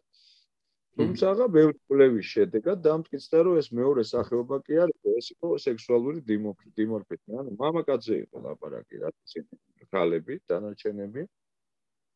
და ეს მამაკაცი. და ცხოველ გარკვეულ სახეობებში, ცხოველებში და პრიმატებში ეს დეტალი და მამალი არსებები საკმაოდ განსხვავდებიან. გინახიათ, როგორც აი ახლო კატებშიც დაახლოებით ესე რომ მამლებს დიდი ყბები აქვს ეს თვითონ დედლები უფრო ნაზი გარეგნობით გამოირჩევა. ნუ მე თავის ქალი ადამიანშიც არის ფათაშორის ეს განსხვავება საკმაოდ კუთხეებში, ყბის კუთხეებსა და გარკვეულ ძვლებში. მეჩი დავთ. ხო და? აი ესე იგი დმანისში რითი რატო არის მნიშვნელოვანი გარდა იმისა რომ აფრიკის გარეთ უძველესი? ყველაზე კარგად შენარჩუნებული ეს თავის ქალები ამასაკის ამასაკის ესე კარგად შენარჩუნებული თავის ქალ დედამიწაზე არსებობს ეს ერთი. მეორე დმანიში არის დმანიში არის პოპულაცია ნაპოვნი სრული პოპულაცია ასე ვთქვათ ყველა ასაკის ანუ ჩვენ ყავს 16 წლის გოგო და ახლობთ 16 წლის თინეიჯერი ყავს ნაპოვნი დმანიში ჩვენ ყავს დმანიში ნაპოვნი ბებო რომელსაც კბილები აქვს კარგული ცხოვრების მანძილზე და შესაბამისად შეხორცებული აქვს ეს კბილის ბუდეები და ამას ამ ბებოს ვიღაცა ესე იგი თუ არ დაეხმარებოდა და ატრონავდნენ ესე იგი ულიდნენ არ დაუგეჭავდა საჭმელს ეს ვერ იცხოვდა ნუ წლები აქვს ნაცხოვრები ამ არსებას ანკბილების გარეშე. ამას ცალკე დიდი სტატია და საჭმელს უღეჭავდნენ და ისე აჭმავდნენ დიახ მოუვებდნენ და იცავდნენ და უვლიდნენ და ეს რა საკეს იყო ესე ანუ ხო არ ვიცი და ეს ახლო ჩვენ იმდროინდელი იცით როგორ არის იმდროინდელი შეიძლება შეიძლება 15-40 წლის ყოფილიყო იმ დროს ძალიან ხალი იყო ხო ეს ესე არ არის ხა 100 წელს როცხოვები აი ეს ბებო კიდე ყავს ხალი ეს დასრული და ეს ეს კიდე მამრი დომინანტი მამრი ალფა მამსრო ეძახიან აი ესეთი ესე იგი სავარაუდო შეიძლება ერთ ოჯახთანაც გვაქვს საქმე იმიტომ რომ ძალიან ახლო ახლოს არიან ესენი ნაპოვნი ერთსა და იმავე ფენაში აი ეს თავის ქალები და ამიტომ დმანისი მსოფლიო პალეოანთროპოლოგებისთვის დმანისის თავის ქალები არის გასაღებები საერთოდ აი უძველეს ჰომინიდების შესწავლისათვის. და უშუალოდ მზიას და ზეზოს ისვე ძახით ესე თქვა აი. ეს მზია და ზეზოა ცოტა ესე იგი ამთე ეს მზია და ზეზვის დარქმევა, ზეზვას დარქმევა მოხდა მე როგორც მახსოვს უფრო ადრე ვიდრე ვიპოვიდით მეხუთე თავის ქალას. შესაბამისად, სავარაუდოდ მზია და შორენა უფრო იქნებიან ეგენი ვიდრე მზია და ზოგვანი. ოღონდ ეს ჩემი ჩემი აზრია და მაგრამ შემიძლია გავაჟღერო, ხო? და მამის გარდა ეს მარტო თავის ქალები არ არის, დმანისი არის, ნუ უამრავი ცალკე იარაღები, გარემოს რეკონსტრუქცია, ცხოველთა სამყარო. ხო და აი დმანისის მერე უკვე ოროზმანის პოვნა კიდე ესეთი დიდი სიურპრიზია. ყველა სადმანისზე ხმაური არასდროს არ დამთავრდება იმდენად მაგარი ძე. ნუ აი ესეთი შენახული ძეგლი არ არსებობს. ხა როგორ აგეცნათ ამასაკის. და ამის გვარ ოროზმანი და ეს ოროზმანი სიურპრიზებით გვათამამებს. ოროზმანში არის ესე იგი, სულ სულ ანატომიურ შესაძლებაში პოულობთ, ესე იგი, ეს რა ანატომიური შესაძლება რას ნიშნავს? ხო, წარმოიდგინეთ, თელი მხარდან ხარი რომ მოყვები ეს ყველა ძვალი თითები და აი ესე თლიანი ძვლებს პოულობთ, ეს ძალიან იშვიათი რამეა. და ძალიან კარგი რამე. აი როგორ არის განამარხებული ეს არ უბრალოდ იზოლირებული ძვალი, თლიანი ნაწილი, აი ხერხი, მალები და რვან ეკნია ესე ერთად ვიპოვეთ მაგალითად დიდი დიდი მწოხნელის აცებლებსაც პოულობთ აგერ ნუ ძალკე სპილოვი პოვეთ დიდი ძალიან დიდი მწოხნელი გელი ყავს ეტრუსკული მგელი ეს პატარა ზომის მგელი არის ნუ ეს ხმალყლავი ფხვი კი ვიცით ხო ანტილოპა ყავს ნუ ძალიან საკმაოდ ნენელა ვივსებთ ეხლა 7-8 სახეობა ყავს პატარა კატა ყავს რაღაცა ჯერ არ ვიცით იმისი პროდუქტების ნაწილი გვაქვს ნაპოვნი და ნახოთ აჰა. ხო არა, ეგ კიდე ის არის რა.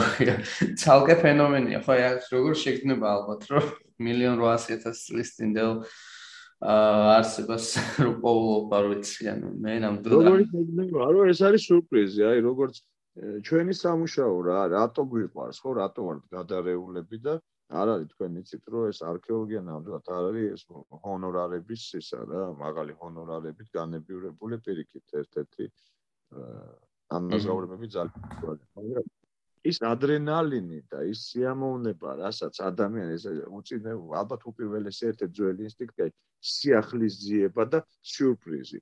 ანუ ჩვენი ყველა ეს არის პროფესია სადაც შენი ყოველი დღე არის განსხვავებული. შეუძლებელია ხა შენ არიცი რა სიტყვა, ეგრო იცოდე, ნუ რაღაც რაღაცა ძე ხო მაშინ. თან ძალიან მნიშვნელოვანი რაღაც გამოძიების პროცესია, იმიტომ რომ აი სიახლეს შეგრძნებაზე რა ვთქვით, აი ინსტინქტურ დონეზე რო ხო ეს ადამიანს ანუ დაწყებული იქიდან ხო ხა აფრიკიდანო წამოვიდა პირველი ადამიანი, ნუ რა ინფორმაცია ჩვენ გვაქვს, ხო? რატო წამოვიდა იქ ხო ვიღაცა არ უთხრა წადიო, ანუ რაღაც ცნობის მოყარეობის რაღაც ახლის ძიებით ესე იგი მოდის.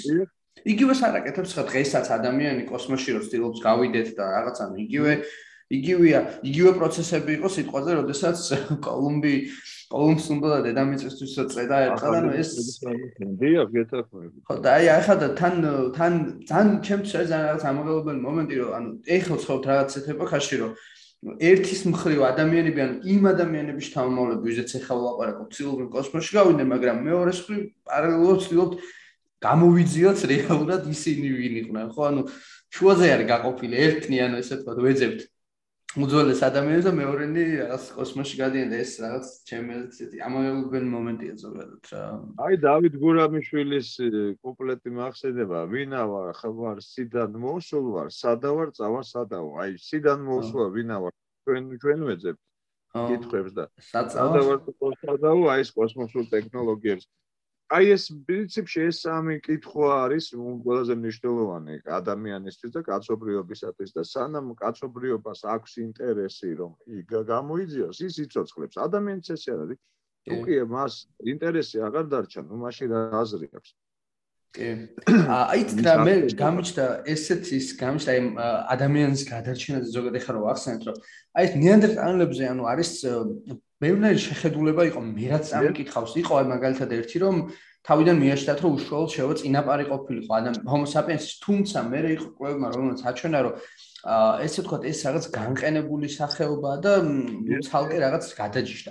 თვითონ გაქრობის ეს ნეანდერტალებისაც ხო არის აი წიგნებში წამიკითხავს არის რაღაც ამაში სხვადასხვა კვლევებია და თითქოს ის ამობენ რომ ერთი არის რომ შეიძლება ამაში უშუალოდ homo sapiens მიიღო მონაწილეობა ან რაღაც ძალიან დიდ დაპირისპირებებს თუმცა არის მეორე ვარაუდი რაც ასევე მინახავს წამიკითხავს რომ აი ეს ნეანდერტალები იმდენად არ იყვნენ ფართოდ გავრცელებული თვითონ დედამიწაზე და სადღაც მე მგონი დღევანდელი იტალიასთან სადღაც უფრო მჭიდროდ იყვნენ დასახლებულები და შემდეგ ეს ვულკანური ამოფრქვევი და რაღაცები იქნებოდა რომ მოდებულები არ იყვნენ სოფლიოს ესე ვთქვათ ეს სახეობა განადგურდა. და აი ამ ხრივ რა შეგვიძლია ვთქვა ანუ აი აი ამ ხრივ ისიც აქაც თეორიებია საერთოდ ისევე როგორც აი მაგალითად კოლუმბა რო ჩაიტანა და ნახევარი ინდიელები რო გაწყვეტა ვირუსი. ვირუსი კი.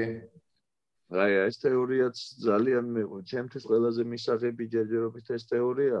ეხლა რენეანდერტალელი არის ჩვენს გენში. გენებში ხო ხო.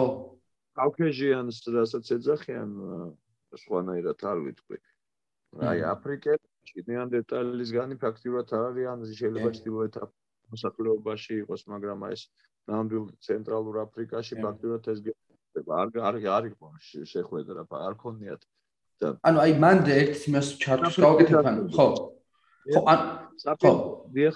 ხო არა უბრალოდ გეოლ გამოდის აი ეს მინდა რომ უბრალოდ სვენელმაც ამას რაღაც ყურება მიაქციოს რომ ანუ აა ეს ადამიანის ხო ზოგჯერ არის ხოლმე ესე აჟღერებენ ხოლმე რომ აი უშუალოდ ჩვენ წინაპრები თუმცა ეს სხვადასხვა სახეობები უშუალოდ ჩვენ წინაპრები შეიძლება სულაც არ იყვნენ ხო? იმიტომ რომ აი იგივე ეს მიანიშნებს რომ თუ სიტყვაზე აფრიკიდან წამოვიდა homo sapiens-ის წინაპარი ხო ნეანდერტალი შეიძლება აქეთ მხარეს დახვდა უბრალოდ და აქ დახვდა რა თქმა უნდა. ხო აი ეგაა ძალიან მნიშვნელოვანი ფაქტორი რომ ანუ რეალურად აი როგორც ცხოვრებს სხვადასხვა ცხოვრებს ხო არის მრავალ მრავალ სახეობები ხო? ამ ხრივად ადამიანებს იყო ხო? ეს აი ესეც მინდა რომ ეს თემაც გავშალო ადამიანებს იყო ძალიან ბევრი სახეობა და ნუ ესე იგი პირველი რომ ვიცით რომ ეს ეს რაც homo არის ეს არის homo habilis მერე არის ასევე ჰაბილის რუდოლფელცისაც ეძახიან ისიც ჰაბილისია მაგრამ იცით რა ხშირად ზეგლებზე აი ოდნავ განსხვავების გამო სახეობას სულიან ესეც ცალკე პრობლემაა პალეოანთროპოლოგიის არის ჯგუფებად აერთიანებენ ზოგი მცირე ჯგუფებად და აი მაგალითად ეხა ჩვენო დმანისისთვის კიდე სხვა სახეობა დაგვერქვა, ამისი უფლება ძალიანაც ჰქონდა ზოგ-ზოგიერთის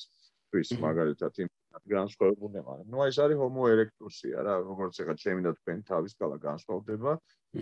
და ჩემი და ჩემი მეუღლის ხო, გალის სიფიქა რა, ეხა არის განსხვავება. ზოგიერთი მეცნიერი ამ განსხვავებას სათანადოდ მიიჩნევს, რომ სახეობრივი განსხვავება მიიღოს. მოკლედ, მოდის ეს erectus-ი გამოდის ნემიდან, რა ქვია, აფრიკიდან და სახლდება ევრაზიას ედება მთლიანად. სადღაც ჩვენ ბელ მილიონ 800 შეიძლება მილიონ 900000 წლის წინ. ყველა ძველი დასაბუთებული ჩვენ ვართ ეს დმანიში ერთ-ერთი გვიჭირავს ეს ფიშკა. ამის მერე ისე ხდება ეს რა არის ლაბორატორია არის აფრიკაშიც ბევრი სახეობებიან ადგილობრივ მერე აზიაში ცალკე მუტაციები ხდება და ცალკე სახეობები ვითარდება. აი ჰეიდელბერგენს ისი რომელიც ერექტუს აფრიკიდან გამყოლ ერექტუსიდან უკვე ევროპაში წარმოქმნა და ეს საკმაოდ ძლიერი ესეთი მონადირე არის ფაქტიურად ერექტუსია მაგრამ უკვე თავის კალა ანუ ტვინის მოცულობა დიდი აქვს და უშუალო ნეანდერტალის წინაპარი არის. გაიგეთ? ეს უკვე საფუძველს აძლევს აი ჰეიდელბერგენსის მოყვება ნეანდერტალელი და ნეანდერტალი ხდება დომინანტი არსება ევროპაში. და პრაქტიკულად აი პრაქტიკულად ცელში ყავს აი ეს აი ამდონემდე არიან წინა სხვა შორის არაბეთის ნახევარკუნძულზეც არიან. სამხრეთ აზიაში არ გადადიან მაგრამ სამხრეთ აზიაში აგერ ახალი ინფორმაციით ჩვენი სამხრეთ აზიაში გარდა შუა აზიაში და შემდეგ ჩრდილოეთშიც კი ჩვენი დენის როვიელი ყავს, რომელიც ძალიან ნეანდერტალის გავსია, მაგრამ შეიძლება სავარაუდოდ აზიური სახეობის ელექტროსისგან განვითარდა. ის ამბობენ არის ეხა გენეტიკური მონაცემებით დენის როვიელების მონაწილეობა არის აი ეს აზიური ხალხის გენომში. როგორც აი ევროპული და დანარჩენი კავკაზიან ხალხის გენომში არის ესე იგი ნეანდერტალის მონაწილეობა. აი ესეთი ექსპერიმენტები ხდება და ბოლოს ახლა რაც შეეხება სამპიენსის უშუალო წინაპარს და თვითონ პირველი საპიენსი აი ახლა არის სხვა ახალი აღმოჩენა სადღაც მე მგონი საბერძნეთში იყო და კიდე მარკუსი უკვე 300.000-მდე აძველებენ პირველ საპიენსებს. ჯერ ხო, მე ვიცოდი რომ 200.000-ზე იყო ადრე საუბარი. კი, აი ახლა ცოტა ხნის წინ ნახე, ცოტა ხნის წინ არა, კარგა ხნის წინ, მაგრამ ნუ აი ეს თეორია ჯერ მოდი დაველოდოთ რა. ესეც არ გამიკვირდა წოიყოს. მაგრამ ერექტუსიდან ისიც უკვე აფრიკული გაუმჯობესებული ერექტუსისგან ისეთით კი არა. დვანიში რო ყავს უკვე დიდი ტვინის მოცულობიანი ერექტუსიდან გამდის, ანუ ერექტუსი არის პირველი საპიენსის ხაზი მაინც. აი ამაზე თანხმიერება. ისევ აფრიკაში და 300.000 წლის და ეს პირველი რა ხდება, ეს შუბლი ჩვენი განსხვავება ერექტუსებისგან, თავრესი არის ეს ნიკაპი, ნიკაპის ვალის ეცოდა შუბლის კუთხე ამ ერექტუსებს აი პირდაპირ ფაქტი შუბლი არ აქვს. ეს გადაწვენილია ნეანდერტალებსაც ძალიან დაბალი შუბლია და აი ეს პირველი საპიენსი მე რაც ნანახი მაქვს. ეს სულოვანი მასალა და ეს იყო იმ დროს მე 200000 წლის არ იყო 150000 წლის 200000 წლის თავის კალა მას უკვე შუბლი უჩდება შუბლი აქვს აი ეს აწეული შუბლი აქვს. და აი ეს შუბლიანი ერექტუსები უკვე ტრანსფორმირდებიან და მონაცემებიც ახლა როგორ გითხრათ? იცი ჩვენ ჩვენ ჯერს ვერ აკეთებ იმიტომ რომ მონაცემებს შორის ძალიან დიდი თარიღებია დაშორება. ეს არ არის ესეთი ერთი ზოლი და ერთი ხაზი. ანუ რასაც პოულობთ იმას ვავთ დაკარგულ ჯაჭვის რგოლში რა. ეს ესეთი მეცნიერება ეს თანმიმდევრობით რო იყოს ჩვენი ჩვენურად დაალაგებს ყველაფერი შევეშვებოდით ამას. ნუ არეული ფაზლია, რომელიც ხან რომელ ნაწილს პოულობ ხან. კი, ეს არის რა, ზუსტად აი გარი რა, ეხლა დელოზე ბრინჯის მარცვლებს უკრიფავთ რა. აი რა მოგე და აი ვარიანტია და აი მითი რაღაცას ქნით, თუმცა ვაკავშირებთ ამას ამათ ერთმანეთთან. ხო აი ესეც საინტერესო შემოთ მოგე დიდი ბუნების ექსპერიმენტის ნაწილია მე ევოლუციური თეორიის მიხედვით. და დღევანდელი მეცნიერება ისე ვითარდება, რომ მაგალითად აი ცილა ამოვიღეთ და ისევ დმანისი, აი დმანისი, მაგრამ ესე იგი დმანისი ისეთ რაღაცებს აკეთ აი რევოლუციური შესალა მოხდა დმანისის მაგალითად მარტორქისა მისი DNM-ის ამოღება მოხდა. ანუ მანამდე 800000-ზე ძველი DNM-ი არავის არ ქონა ამოღებული. კი. ვაი, ო საერთაშორისო დიდი და უძლიერესი კურატორიების მონაწილეობით სოფლიო დონის ეს უკვე ლამის აი NASA-ს დონის და აი ესეთი ესეთი ლაბორატორია უძვირ ტექნოლოგიებით მოხდა ექსტრაქცია ცილისა, საიდანაც მე DNM-ის დაახლოებით გენური გაშიფრვა მოხდა 1.800.000 წლის მარტოქის, ანუ 1 მილიონი წლით კიდევ უფრო ძველის. ეხლა რას გვაძლევს, ხო, ეს რა საშუალებას გვაძლევს? ეს გვაძლევს საშუალებას, რომ გარკვეული მონაცემები თუ კი იქნება შესაძლებელი მივიღოთ უკვე ჰომინიდების ძლოვან ნაშთებისაგან. ეს ცალკე იქნება. ეს უკვე მოგცემს საშუალებას ეს სრულ გენეტიკურ ჯაჭვს ავარაუდოთ. ნუ ეგ მაგის დროც მოვა რომ მოიპოვოთ, მაგრამ ნუ ძირითად მარკერები შეიძლება მოიპოვოთ აი იმ დროინდელი, ანუ დმანისის დროინდელი მაგალითად ზულებიდან და ეს უფრო გაადვილებს აი ევოლუციის თეორიის ამოხსნას. ამათ მალე არ ვეფხვდები ნამდვილად, მიუხედავად ტექნოლოგიური განვითარებისა.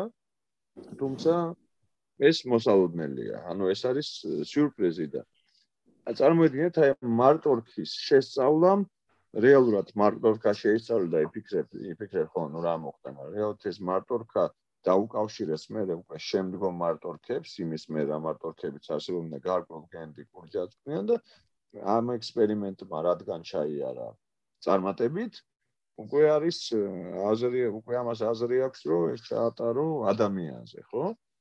ეს ექსპერიმენტი რა თქმა უნდა მძულებზე აი აი ესეთი რაღაცეები ხდება. ნუ არის ამაზეც გამოხმაურება, მაგრამ უფრო მეცი უნდა იყოს ჩვენთან რა, სამწუხაროდ მე ამას კი ტელევიზიების მხრიდან ხედავ, მაგრამ ველი მინდა რომ ბევრმა იცოდეს, რომ ქართულ მეცნიერებას გარკვეულ დარგებში საერთოდ არ ძინა და ძალიან დიდ წარმატებებს აღწევს რა. ცოტა ეს პესიმი და კიდე უფრო მეტის მიღწევა შეუძლია, იმიტომ რომ ჩვენ გვყავს, იცით, ჩვენ ადგილზე გვყავს არაჩვეულებრივი სპეციალისტები, ასევე ქართველი სპეციალისტები, რომლებიც ისეთ მაგარ და ისეთ ცნობილ სოფლიო ლაბორატორიებში და სამეცნიერო ცენტრებში მუშაობენ, რომ ნუ არ ვიცი რა. ამიტომ მეამაყება, იცით, აი ძალიან მეამაყება რა. კი ბატონო. ხო არა, ეს ერთია რომ სამაყვა მეორეა რომ ანუ თვითონ ანუ კაცობრიობისთვის არის ეს დამნიშნულოვანი, ხო? ანუ როგორ შეიძლება ადამიანი ანუ ზოგადად ყველაფერში ხო ესეა, ანუ თუ შენ არიცი ბოლომდე ვერკო ფუნდამენტი არ გაქვს ვერც კოსმოსში ვერ გახვალ და ვერც შენობას ვერ აშენებ და ვერაფერს ვერ გააკეთებ, ხო? ამიტომ ვერა, ვერა. ამის გარშე უბრალოდ ანუ ეს მაინც აი შენ ახსენე ხარო სიტყვაზე აი რაღაც ფაზლია ხო რომელსაც ვაწყობ თუმცა ეს ფაზლი ჩემი გადმოცემა ესეა ესმის რომ არა მარტო ეს არქეოლოგიური ფაზლია სინამდვილეში მთლიანობის ფაზლია რომელიც მომავალთანაც არის დაკავშირებული იმიტომ რომ ეს ფაზლი უნდა დაკავშირდეს იმასთან რაზეც რა ახსენეთ რომ კიდეც ის კოსმოსათუსებად იქნება თუ რა იქნება სახეობა რომელმაც არის საიდან მოდის რა არის და ასე შემდეგ ანუ აუ სიან გაუჭირდება კოსმოსში გასვლა და კიდევ საერთოდ ახალი ცივილიზაციების შექმნა ხო? ანუ ეს ერთმანეთის ისე აი ხდებით აი აი როგორი მე როგორი მოაზრო უნდა იყოს ასე ნუ გურამშვილი ხო და ილია ჭავჭავაძე როგორი იყო აწყო შობილი царსულისაგან არის შობელი მომავალი საერთოდ კაცი 100 წლის წინ რა უფრო მეტი 150 წლის წინ აი ხა ჩვენ რაზეც საუბრობთ ხა 21 საუკუნის თანამედროვე ახალგაზრდები ხო? ახალგაზრდა ადამიანები ეს კაცი ამას გეუბნებოდა და შენ ჩვენ ანუ ერის მიმართულებას აძლევდა. თუმცა ну როგორც ჩანს ვერმა ვერ მოისმინა და ვერ გაიგო. ანუ აი ეს არის მთავებელი საერთოდ ცივილიზაციის განვითარებისა რა. ორი ორი მხარე აქვს ცივილიზაციას ზოგადად რა დავაკვირდეთ ანუ ერთის მხრივ ყოველთვის მიიწევენ ადამიანები ინდივიდები იქნებიან თუ არა მარტო ინდივიდები. ხო რაღაცა ახლისკენ პროგრესულისკენ, თუმცა ყოველთვის არის ისევ ადამიანებში მეორე მხარეც, რომელიც ამ სიახლის ეშინია, ან უბრალოდ არ უნდა და ასე შემდეგ. ალბათ ეს ხო, აი მაგალითად ხო, არ ვიცი ხა ეს ხო, ადამიანის რო თავიდან აფრიკიდან გავრცელდა, ხო, ვიღაცები წამოვიდნენ, ვიღაცები არ წამოვიდნენ და ასე შემდეგ ზოგადად, ანუ და იგივე ხდება ეხაც, ხო, ზოგადად, ანუ ადამიანები ზუსტად აი, აი, კარგ კარგ ძალიან კარგი შედარება, აი ხდება ზუსტად. ხო, ანუ აი ეგ პროცესი, ანუ ზოგს ესე თქვა პირიქით აქვს, ხო, რომ რაღაცა არ უნდა ესე თქვა ახალი ზოგს პირიქით ახალი უნდა და ნუ ეს ეს არის რეალურად პროცესი, რომელიც ალბათ, არ ვიცი, ხერთულია ჩვენ ეს შეოფარს, მაგრამ ალბათ ესეც ადამიანობაა და ეს ადამიანის პროცესია, რომელიც საერთო ჯამში მე მაინც ოპტიმისტურად ვარ ხოლმე, იმიტომ რომ აი ხო, თუნდაც ეს რაღაცებზე ლაპარაკობთ, ლაპარაკობთ იმ სახეობებზე, რომლებიც ხო აი საიდან ესე ვთქვათ რა გამოიარეს ხო? ანუ როგორი ამაღელვებელია რომ ფულესი. მე ჯერ დამთავრე. მე აი მოდი ბარემ დავამთავრებ თლიან ჯაჭეგი პრავ. კი. რო ბოლომდე და წარმოიდგეთ ეს საპიენსი მე პირველად ესე იგი 90000 წლის წინ გამოვიდა, ცდილობს აფრიკიდან გამოსვლას, სინაი გაიარა, მივიდა ისრაელში, ესე კაფსეხის ღვიმეა და ვერ შედის. ნუ ეს ჯგუფები, ესე იგი, რაღაცა არ ვიცი, დაბკოლება ხდება, არ ვიცი, ბევრი ბევრი თეორია ამის შესახებ, ნუ ვერ შედის რა ევრაზიაში და ბრუნდება, ნუ ან ბრუნდება, ნუ ან ვერ შედის. ნუ ერთი აზრი ეანდერტალები მყარათ არიან, იქ არავის არ უშვებენ, ან არ ვიცით. ნუ არ ვიცით რატო ხდება. და მე რე ამას უკვე დიდი ხანი სჭირდება კიდე დაახლოებით 40000 წელი უნდა გავიდეს ეს ამერიკეთ რა რა დროზე ვლაპარაკ აი სულ 2000 წლის წინ ქრისტიანობა დაიბადა.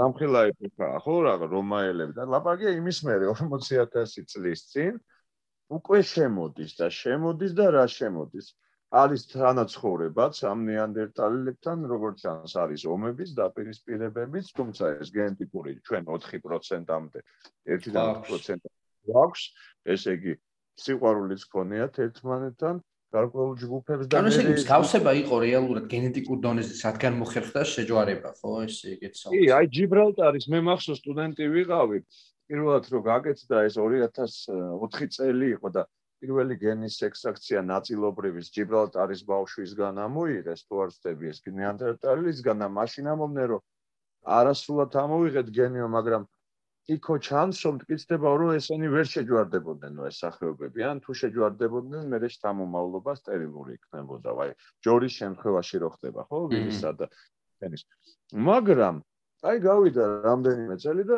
აღმოჩნდა რომ ხო შეანთად შეჯვარდებოდნენ იმიტომ რომ აი მეცადა თქვენს ერთი ბაბუა ყავს. აი ესეთი, აი ესეთი საინტერესო, აი ჩვენ აი ეს რა არის? ცოტა გადაჭარბულია, მაგრამ წარსულის დეტექტივი რო ხარ, აი აი მაგამ ბავშვი რო ვარ, ერთი პატარა გამომძიებლები, შართულები, აი ეგეთი მუშა სამუშაოა ჩვენი. მით უმეტეს ნიტკიცებები არის, ну, ზოგი მილიმეტრის ზომის არის, მაგრამ შეიძლება ჩვენ 10 თაბახი დაგაწერინოს ამის, ანუ ამოღებულმა ინფორმაციამ და ის თუ ძიება არის რა. აი ეს ეს ეს ეს ეს არის ჩვენი бенზინი, ჩვენი საწვავი, ამ ენერგიის და მარტო ჩვენი, ალბათ ყველა მეცნიერის და ყველა ადამიანის, ხო? ახლა ყველა მეცნიერი ვერ იქნება და აი ეს ამას უსურვებ მე ყველას ახლა ვინც გვისმენს, რომ აი საწვავი არაზოს არ დაკარგოს, იმიტომ რომ აი უნდა ეძე, უნდა ეძებო, რაღაც შენი თავი ეძებო, არ ვიცი შენი და ეძებო შენი წარმატება ეძებო რაღაცა გამოიკვლია და აი ეს მე ჩვენ გვაძლევს დამატებით ძალებს. ისევ იმას მიუბრუნდი იმ საკითხს საპიენსების მერე მაგრამ ხო. ეს არის ის მამოძრავებელი ენერგია მაგისი თქმა მინდა და რასაც თქვენ თქვენ დაიწყეთ ლაპარაკი რატო გამოვიდნენ აფრიკიდან? რა თქმა უნდა ეხლა კლიმატური პირობებიც იყო ეხლა რაღაცა მაიძულა ეს ხოლოთა სამყაროს ჩაულებრივი საკვებ ჯაჭში ჩართული ერთ-ერთი არსება იყო ომნივო ანუ ყველაფრის ჭამელი და გარკვეულ ნიშასაც იკავებდა ხო? ანუ აი ადამიანი როგორია ესე ხორცსაც ჭამს და მცენარეულ საკვებსაც ჭამს ხო? ეგეთი ბევრი არის ეგეთი არის დათვი მაგალითად ხო? არის კი ორი ეგეთი არსება რომელიც ორივეს ჭამს მაგრამ ირემი არ ჭამს ხორცი.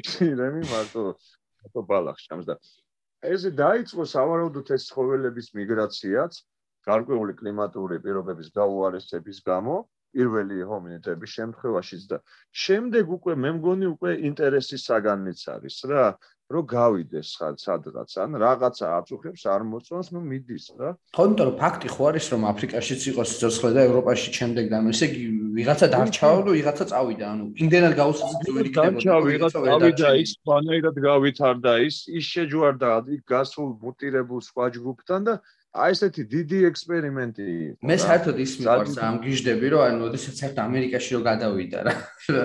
ადამიანის წინაპარი, მაშინ ხო ესე თქვა ეს წყლის ის ნაკლებად იყო და როგორც ვარაუდობენ ხო, ფეხით გადავიდნენ ხო ძირითადად. ჩრდილოეთიდან. აი ეს ყველაფერი, ანუ აი რამხელა რაღაც გააკეთა საერთოდ ანუ ამ ჩვენმა წინაპარმა რომ დაფიქრე, რა ვიცი, თან სარი რა. ო აი ისეთ ისეთ იზოლირებულ კონსულებზე არიან გადასულები საერთოდ რომ გაკვირვებული იქნებით რა. ანუ რაღაც ბევრი რაღაცები ანუ ეგ არის რაღაცა გამოჩნდა რომელსაც არ მოწონდა აი ესეთი დურე დორე ცხოვრების იყოლიებდა ვიღაცებს და მიდიოდა. პროტესტანტი ტიპი იყო, აი უფრო მე მგონი ეს პროტესტანტი ტიპები არიან ხო? ზუსტად, ზუსტად. პოლიტიკები, რომლებიც წესრიგის გარსულ წესრიგის წინააღმდეგ მიდიან რებელებს რომ ეძახით. ხო, ხო, აი ეს ჯორდანო ბრუნო, ხო, ესე იგი წარმოიდგინე, წელია სამყარო. დაუწყეს. არა რა ქნა ხო ამ კაცმა კი დაწვე არა.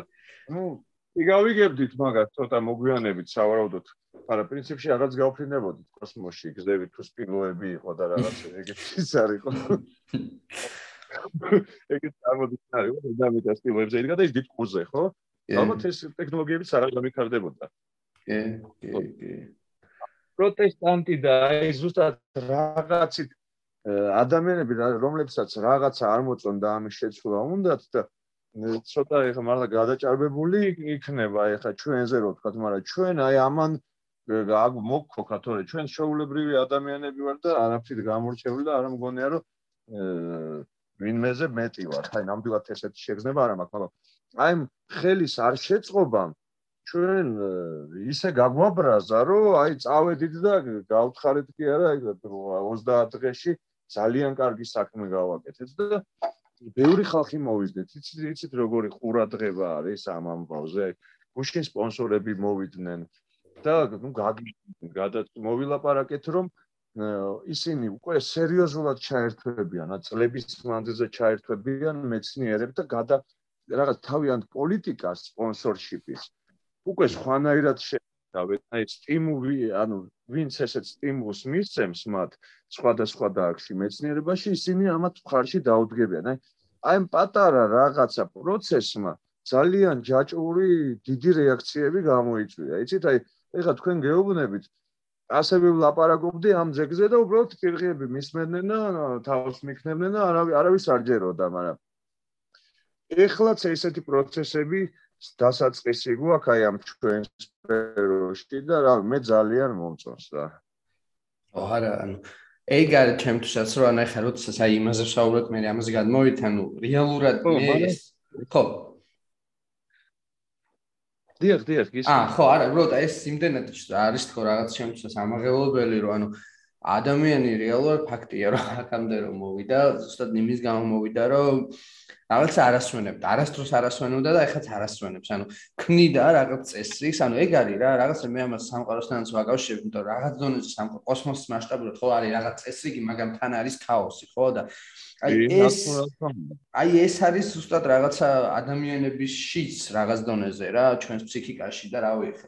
იმიტომ რომ ანუ თან ქმნით წესრიგს, ხო? ქმნით რაღაც ცივილიზაციებს, კულტურებს, ტომებს ქმნიდნენ, ხო, რაღაც კანონებს ქმნიდნენ, მაგრამ აი ამ კანონებში შემდეგ იწყება ქაოსი და აი ამ ორის ესე ვთქვა სინთეზი საბოლოოდ მოაქვს პროგრესი თორე რომ წარმოვიდგინოთ ეხა სიტყვაზე რომ აი ეს ძალიან საინტერესო მომენტია რომ უბრალოდ ქაოსი რო იყოს სულ ადამიანები რო იყვნენ მიდრეკილები იმის გამო სადღაც რომ მიდიოდნენ ვერანაირად ვერ განვითარდებოდათ ვერც კულტურაში უბრალოდ რაღაცა ცხოველები ვიქნებით რომელიც სულ დადიან და სადღაც დაიხოცებოდნენ გზაში მაგრამ თან ეს და თან ეს ქმნის რაღაც ძალიან მაგარი რაღაცას რომელიც აი არის ძალიან დასაფასებელია ამის გააზრება ჩემი პირველი საჭირო და აი ამის გააზრებით უკვე მე კიდე წინ და წინ წინ წასვლა და ძალიან დიდია სამყარო და ნახოთ სადამდე სადამდე მოახერხეთ წასვლა სადამდე გავხაჭა. კიდე და მე კიდე თქვენ რო ესეთ რაღაცებს ლაპარაკობთ, თუ მახსენდება აი როგორი დიდი მოაზროვნეები ყავდა, რა თქმა უნდა, სოფლიო მოაზროვნეებს ჩემი გახსენება არ ჭირდებათ, მაგრამ მე ქართველებს აი პირველივე აი ეს ესეთი სიუჟეტი არის ვეფხის ტყავოსთანში რა. იყარს ხოლმე რაღაცა ჩათვა აი შესაქმე სიუჟეტი არის, ანუ ღმერთმა რო სამყარო შექმნა. რომელმა შექმნა სამყარო ძალითა მისძლიერითა ზეგარდ ვასნის სულითა ყურანზე მომდა გვაქვს უთვალავის ფერითა ანუ ანუ იმანდარისის თეორია ხო სამყაროში ბიბლიური და უთვალავი ფერით შექმნაო ანუ ერთფეროვანი არ შექმნაო ანუ მოდელი მოდელზე არის ლაპარაკი ანუ მე-11 საუკუნეში ეს ბატონი შოთა როგორც თქვა ტელევიზორში ბატონი შოთა და ეს დიდი პოეტი მოაზროვნე გვეუბნება რომ მან იცის და მან მისგან იცის და იმ სხვა ცოდნებისგან და ადამიანმა იცის რომ დედამიწა უნდა იყოს მრავალფეროვანი. აი ეს მრავალფეროვნება, хаоსი, წესრიგი ერთად, აი ეს ქმნის ამ იმას, ანუ აი ამის თქვენი თეორიის კიდე გამტკიცება შევეცადე რა მოკლედ ჩემი ბატონო კომენტარი. ნამდვილად. გამოგვუხდა შარაკივით იმას კურს. მაგრამ დააჭდა, კი ბატონო. ხო და რა ვიცი, ძალიან ისეთ თემაზე საუბრობთ, შეგვიძლია ალბათ რომ აუცილებლად ვისაუბროთ, მაგრამ ალბათ რაღაც შემწავიდეთ ნელა შეჯამებისკენ, ხო და მე ამ შეჯამებაში მინდა ვისაუბროთ უფრო იმაზე უკვე სამომავლო პერსპექტივები რა არის, როგორ წარმოგიდგენიან, რას აპირებთ სიტყვაზე, რას ელოდებით მომავალში და რა ვიცი, აი ზოგადად არქეოლოგიის მომავალზეც ვისაუბროთ ერთ-ერთი სიტყვით და ალბათ შეგვიძლია. აი კი ბატონო. ეს არის ფიფში ესე იგი იმას შეფასებს ტრიან შევაჯამებ ყველაფერს მოგეთ აპირებთ. ვაპირებთ შეუძლებელად სამუშაოების გაგრძელებას. ეხლა სავარაუდოდ შემოდგომას ეხლა მალე დავამთავრებთ უკვე ამინდების და აღარ გვითხოვს მithumetes გადახურვა არა გვაქვს თუმცა სავარაუდოდ თუმცა და ეს წავ წავიღებთ ამ მასალას თბილისში და დაიწყება უკვე მისი ლაბორატორიული აღდგენა შესწავლა პრელიმინარი რეპორტი ანუ პირველად რეპორტი რომ აუცილებლად უნდა დაუბეჭდოთ ჩვენ და გამოვცეთ შევეცადოთ რომ გამოვცეთ ძალიან პოპულარულ ესე სამეცნიერო რეფერირებად ჟურნალში რომ რათა უკვე ოფიციალურად სამეცნიერო სამყაროში შევადგათ ფეხი ამ ამ ძეგლით არაოფიციალურად უკვე ცნობილია ეხლა მთელი სოფიო ლაპარაკობს ამაზე მაგრამ ამას ჭირდება გამყარებული პუბლიკაცია. პუბლიკაციის ზაგარეშე ვიცოდეთ რომ შევთანხმდეთ რომ უბრალოდ სადღეგრძელოებს არ ცდება მეცნიერები არ არსებობს ამის დამადასტურებელი პუბლიკაცია, რისი მაგალითები ძალიან ბევრი გვაქვს, ხო? კი ბატონო. ხო და ეს პირველი. მეორე, ჩვენი წევა აგზელებთ სპონსორებთან მუშაობას და რატომ აი სპონსორები, სპონსორები გაქვს ძალიან ძვირი ჯდება ამის შესავალ. ჩვენ გვჭირდება კიდე დამატებით თარიღები, უშუალოდ ფენები უნდა დავათარიღოთ. უკვე 10000-ის ლეკა ხო ეხლა 78-სა და 84 შორის აგვაქვს, ხო? ესე იგი ერთი და ეს ესეთი 70000-იანი დიაპაზონი გვაქვს რა ეს ძეგლი როდის არსებობდა მაგრამ ჩვენ შევეცდებით კიდევ უფრო დავაზუსტოთ და ამის საშუალებას ჩვენ გვაძლევს ძეგლზე არსებული ვულკანური ფერფლები რომელიც თავზეც აყრია ძეგლს გარდა იმისა რომ ლავაც აქვს და ძირშიც აქვს აი კონკრეტულ კონკრეტულ ამ სტრატიგრაფიულ ჭრილებს ამის და ამისთვის ჩვენ საკმაოდ დიდი რესურსი გვაქვს მოსაწყობელი და ეს დათარიღება გვინდა მოვახდინოთ რომ კიდე უფრო დავაზუსტოთ ეს ზეგლი ამის გარდა მ უკვე ტექნიკური სამუშაოები ჩვენ გვინდა რომ ეს ზეგლი გადავხუროთ იმიტომ რომ ეს ქნება სოფლიოს სირცხვილი საქართველოს იქარა კაცობრიობის სირცხვილი იწებოდეს წვიმით და ძვლები ცვიოდეს იმიტომ რომ ახლა ნუ ეგ ვერ დარჩები მაგრამ ყველაზე ზამთარში ჩვენ ახლა დავაკონსერვებთ რასაც ამოვიღებთ იმ ნაცეს თუმცა ეს ძალიან ცუდია ჩვენ გადახურული როდესაც არის არ არის ძეგლი ულტრაისფერის ხივები ცალკე აზიანები ახლა როგორია 2 მილიონი წელი იმაში დებს მიწაში და გახსნი და თქვენ იცით ხო ულტრაისფერის ხივი არის მან გასაშურება და იმ ძვალს რას უზავს? იქ უნდა იყოს გადახურული ქარი წვიმა და დაცხოვლება ჩვენ ჩვენ თლიან კონტექსტში გვჭირდება ძეგლის შესწავლა როგორ ჩვენ ახლა რასაც პოულობ ძალიან მალე ექსტრაქციას ვახდენთ ანუ ვიღებთ ამ ძვლებს რომ არ დაზიანდეს და საბოლოო ჯამში მთლიანი ვიზუალური აღქმა, მთლიან დღეს ფენა გაწმენდა, მთლიანი სურათი დაინახო, ეს ჩვენ დღეს გვიჭირს სამწუხაროდ. გადახურვა ჩვენ ამ საშუალებასაც მოგწენს. იმის გარდა იმისა, ვიზიტორების მიღების საშუალებასაც წარმოედგინე, ხა ყურის ძირში აქვს, აგერ ჯერ იქ რამდენი სკოლაა და რამდენი ბავშვი შეიძლება საერთოდ დაინტერესდეს არქეოლოგიით და ადამიანის ევოლუციის შესწავლით, რაც ჩვენი მიზანია, რომ ეს პირველ რიგში ადგილობრივები, ეს ქართველი და აზერბაიჯანული უმცირესობის და სხვა უმცირესობების ბავშვები დავაინტერესოთ ამ წარსულით, თავიანთი წარსულის კვლევით. მოგეთ აი აი ამ ყველაფერი ეს არის აი ეს ყველაფერი რასაც ჩვენ ვაპირებთ ამ მოახლოეს მომავალში მომავალ წლამდე იმიტომ რომ მომავალ წელს ჩვენ მაისში როგორც კი გამოთბება სეზონი ძალიან დიდი სურვილია უკვე ამ ამის მერე ამ უცხოელების ხრი სტუდენტების ხრიდან რომ წამოვიდნენ ისევ სასწავლებლად ჩვენ დაეთმა რომ ამ ამ ძეგლს აი ეს არის უახლესი პერსპექტივა რასაც ვფიქრობთ ამ ახლა ამ წუთას ამახსენდება ისეთ თქვენ ცოტა ვირტუალი მაქვს შემდეგ კითხვა რა იყო თუ შემახსენ? აა არაფერი ზოგადად ანუ აი არქეოლოგიის მომავალზეც რომ ვისაუბროთ რა ანუ როგორ ხედავთ ამას? როგორ ხედავთ და ხედავთ მის გამულტიდისციპლინირებაში? მეტი და მეტი მეცნიერება და მეცნიერი უნდა ჩაერთოს. აი აი დრო იყო რომ ნაკლებად იყო რა თანამშრომლობა ამ დროებით თანამშრომლები იყო. ეხლა უკვე არქეოლოგია მოითხოვს ისეთი მეცნიერებების ჩათვლას რასაც ვერ წარმოიდგენდი საერთოდ რამოდენიმე წლის წინ. უკვე აი ჩვენ არქეოლოგია როგორც მოგეხსენებათ ჰუმანიტარული მეცნიერებაა მაგრამ აი გაიკვირდება და აი ქვისხანის არქეოლოგია კი საბუნების მეტყველო მეცნიერება არის. კი არის აქ ჰუმანიტარული ნაწილი მაგრამ უმეტესობა ჩვენ გეოლოგია ესეც ესეთ პროფესია პალეონტოლოგია, რომელიც არ არის ჰუმანიტარული მეცნება, ამათთან ვარ დაკავშირებული. სწორედ ეს ბევრი მეცნიერების მიერ შექმნილი პროდუქტი, რა თქმა უნდა, უფრო ღირებულია ვიდრე მონო, ანუ აი ერთი ხო, რაც რაც არის უკვე წარსული და მე ეს აქეთ მიდის, თუმცა ნელამედის დასავლეთის ქვეყნებში ეს უფრო ჩქარა მიდის. ჩვენთანაც არის სტელობები და ნამდვილად არის ჯგუფები არქეოლოგებისა, ახალგაზრდებისა, მეტწილად, რომლებსაც განათლება მიღებული აქვს. გარდა საქართველოს საზღვარგარეთაც ესენი სხვადასხვა მეცნიერებს ითრემენ და თავიანთ სფეროში და ამისი საუკეთესო მაგალითი არის ეროვნული მუზეუმი რომელიც არის მისი არქეოლოგიური ცენტრი რომელიც არის უმთავრეს ნუ ყველაზე რა ვთქვა დიდი ისტორიის დიდი შესაძლებლობების მქონე ტექნიკური და სხვა ლაბორატორიული შესაძლებლობების მქონე ორგანიზაცია საქართველოში აი აი წარსულის შესწავლის საკითხებში.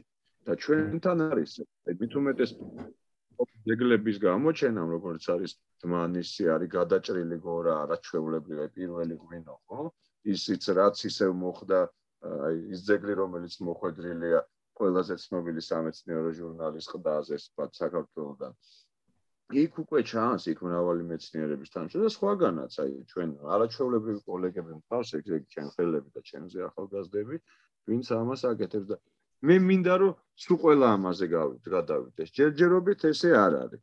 მაგრამ ამის პოტენციალი არის საშუალება, არის არაჩვეულებრივი გვერდზე მეცნიერებები ყავს აი ჩვენი მომიჯნავე მეცნიერები რომლებიც ჩვენ გვეხმარებიან ეს პალეობიოლოგია, პალეობოტანიკა არის კიდევ პალინოლოგია, ну, აი ესეთი სკოლა გვაქვს საერთოდ, ფუხან, აი ქართველი პალინოლოგები შეიძლება თქვენ არც გაგიგიათ, მაგრამ ჩვენ ყავს რამოდენი მე რომელიც საიენსზე ნაკლებში სტატიას არ აქვეყნებს. აი წარმოგიდგენიათ?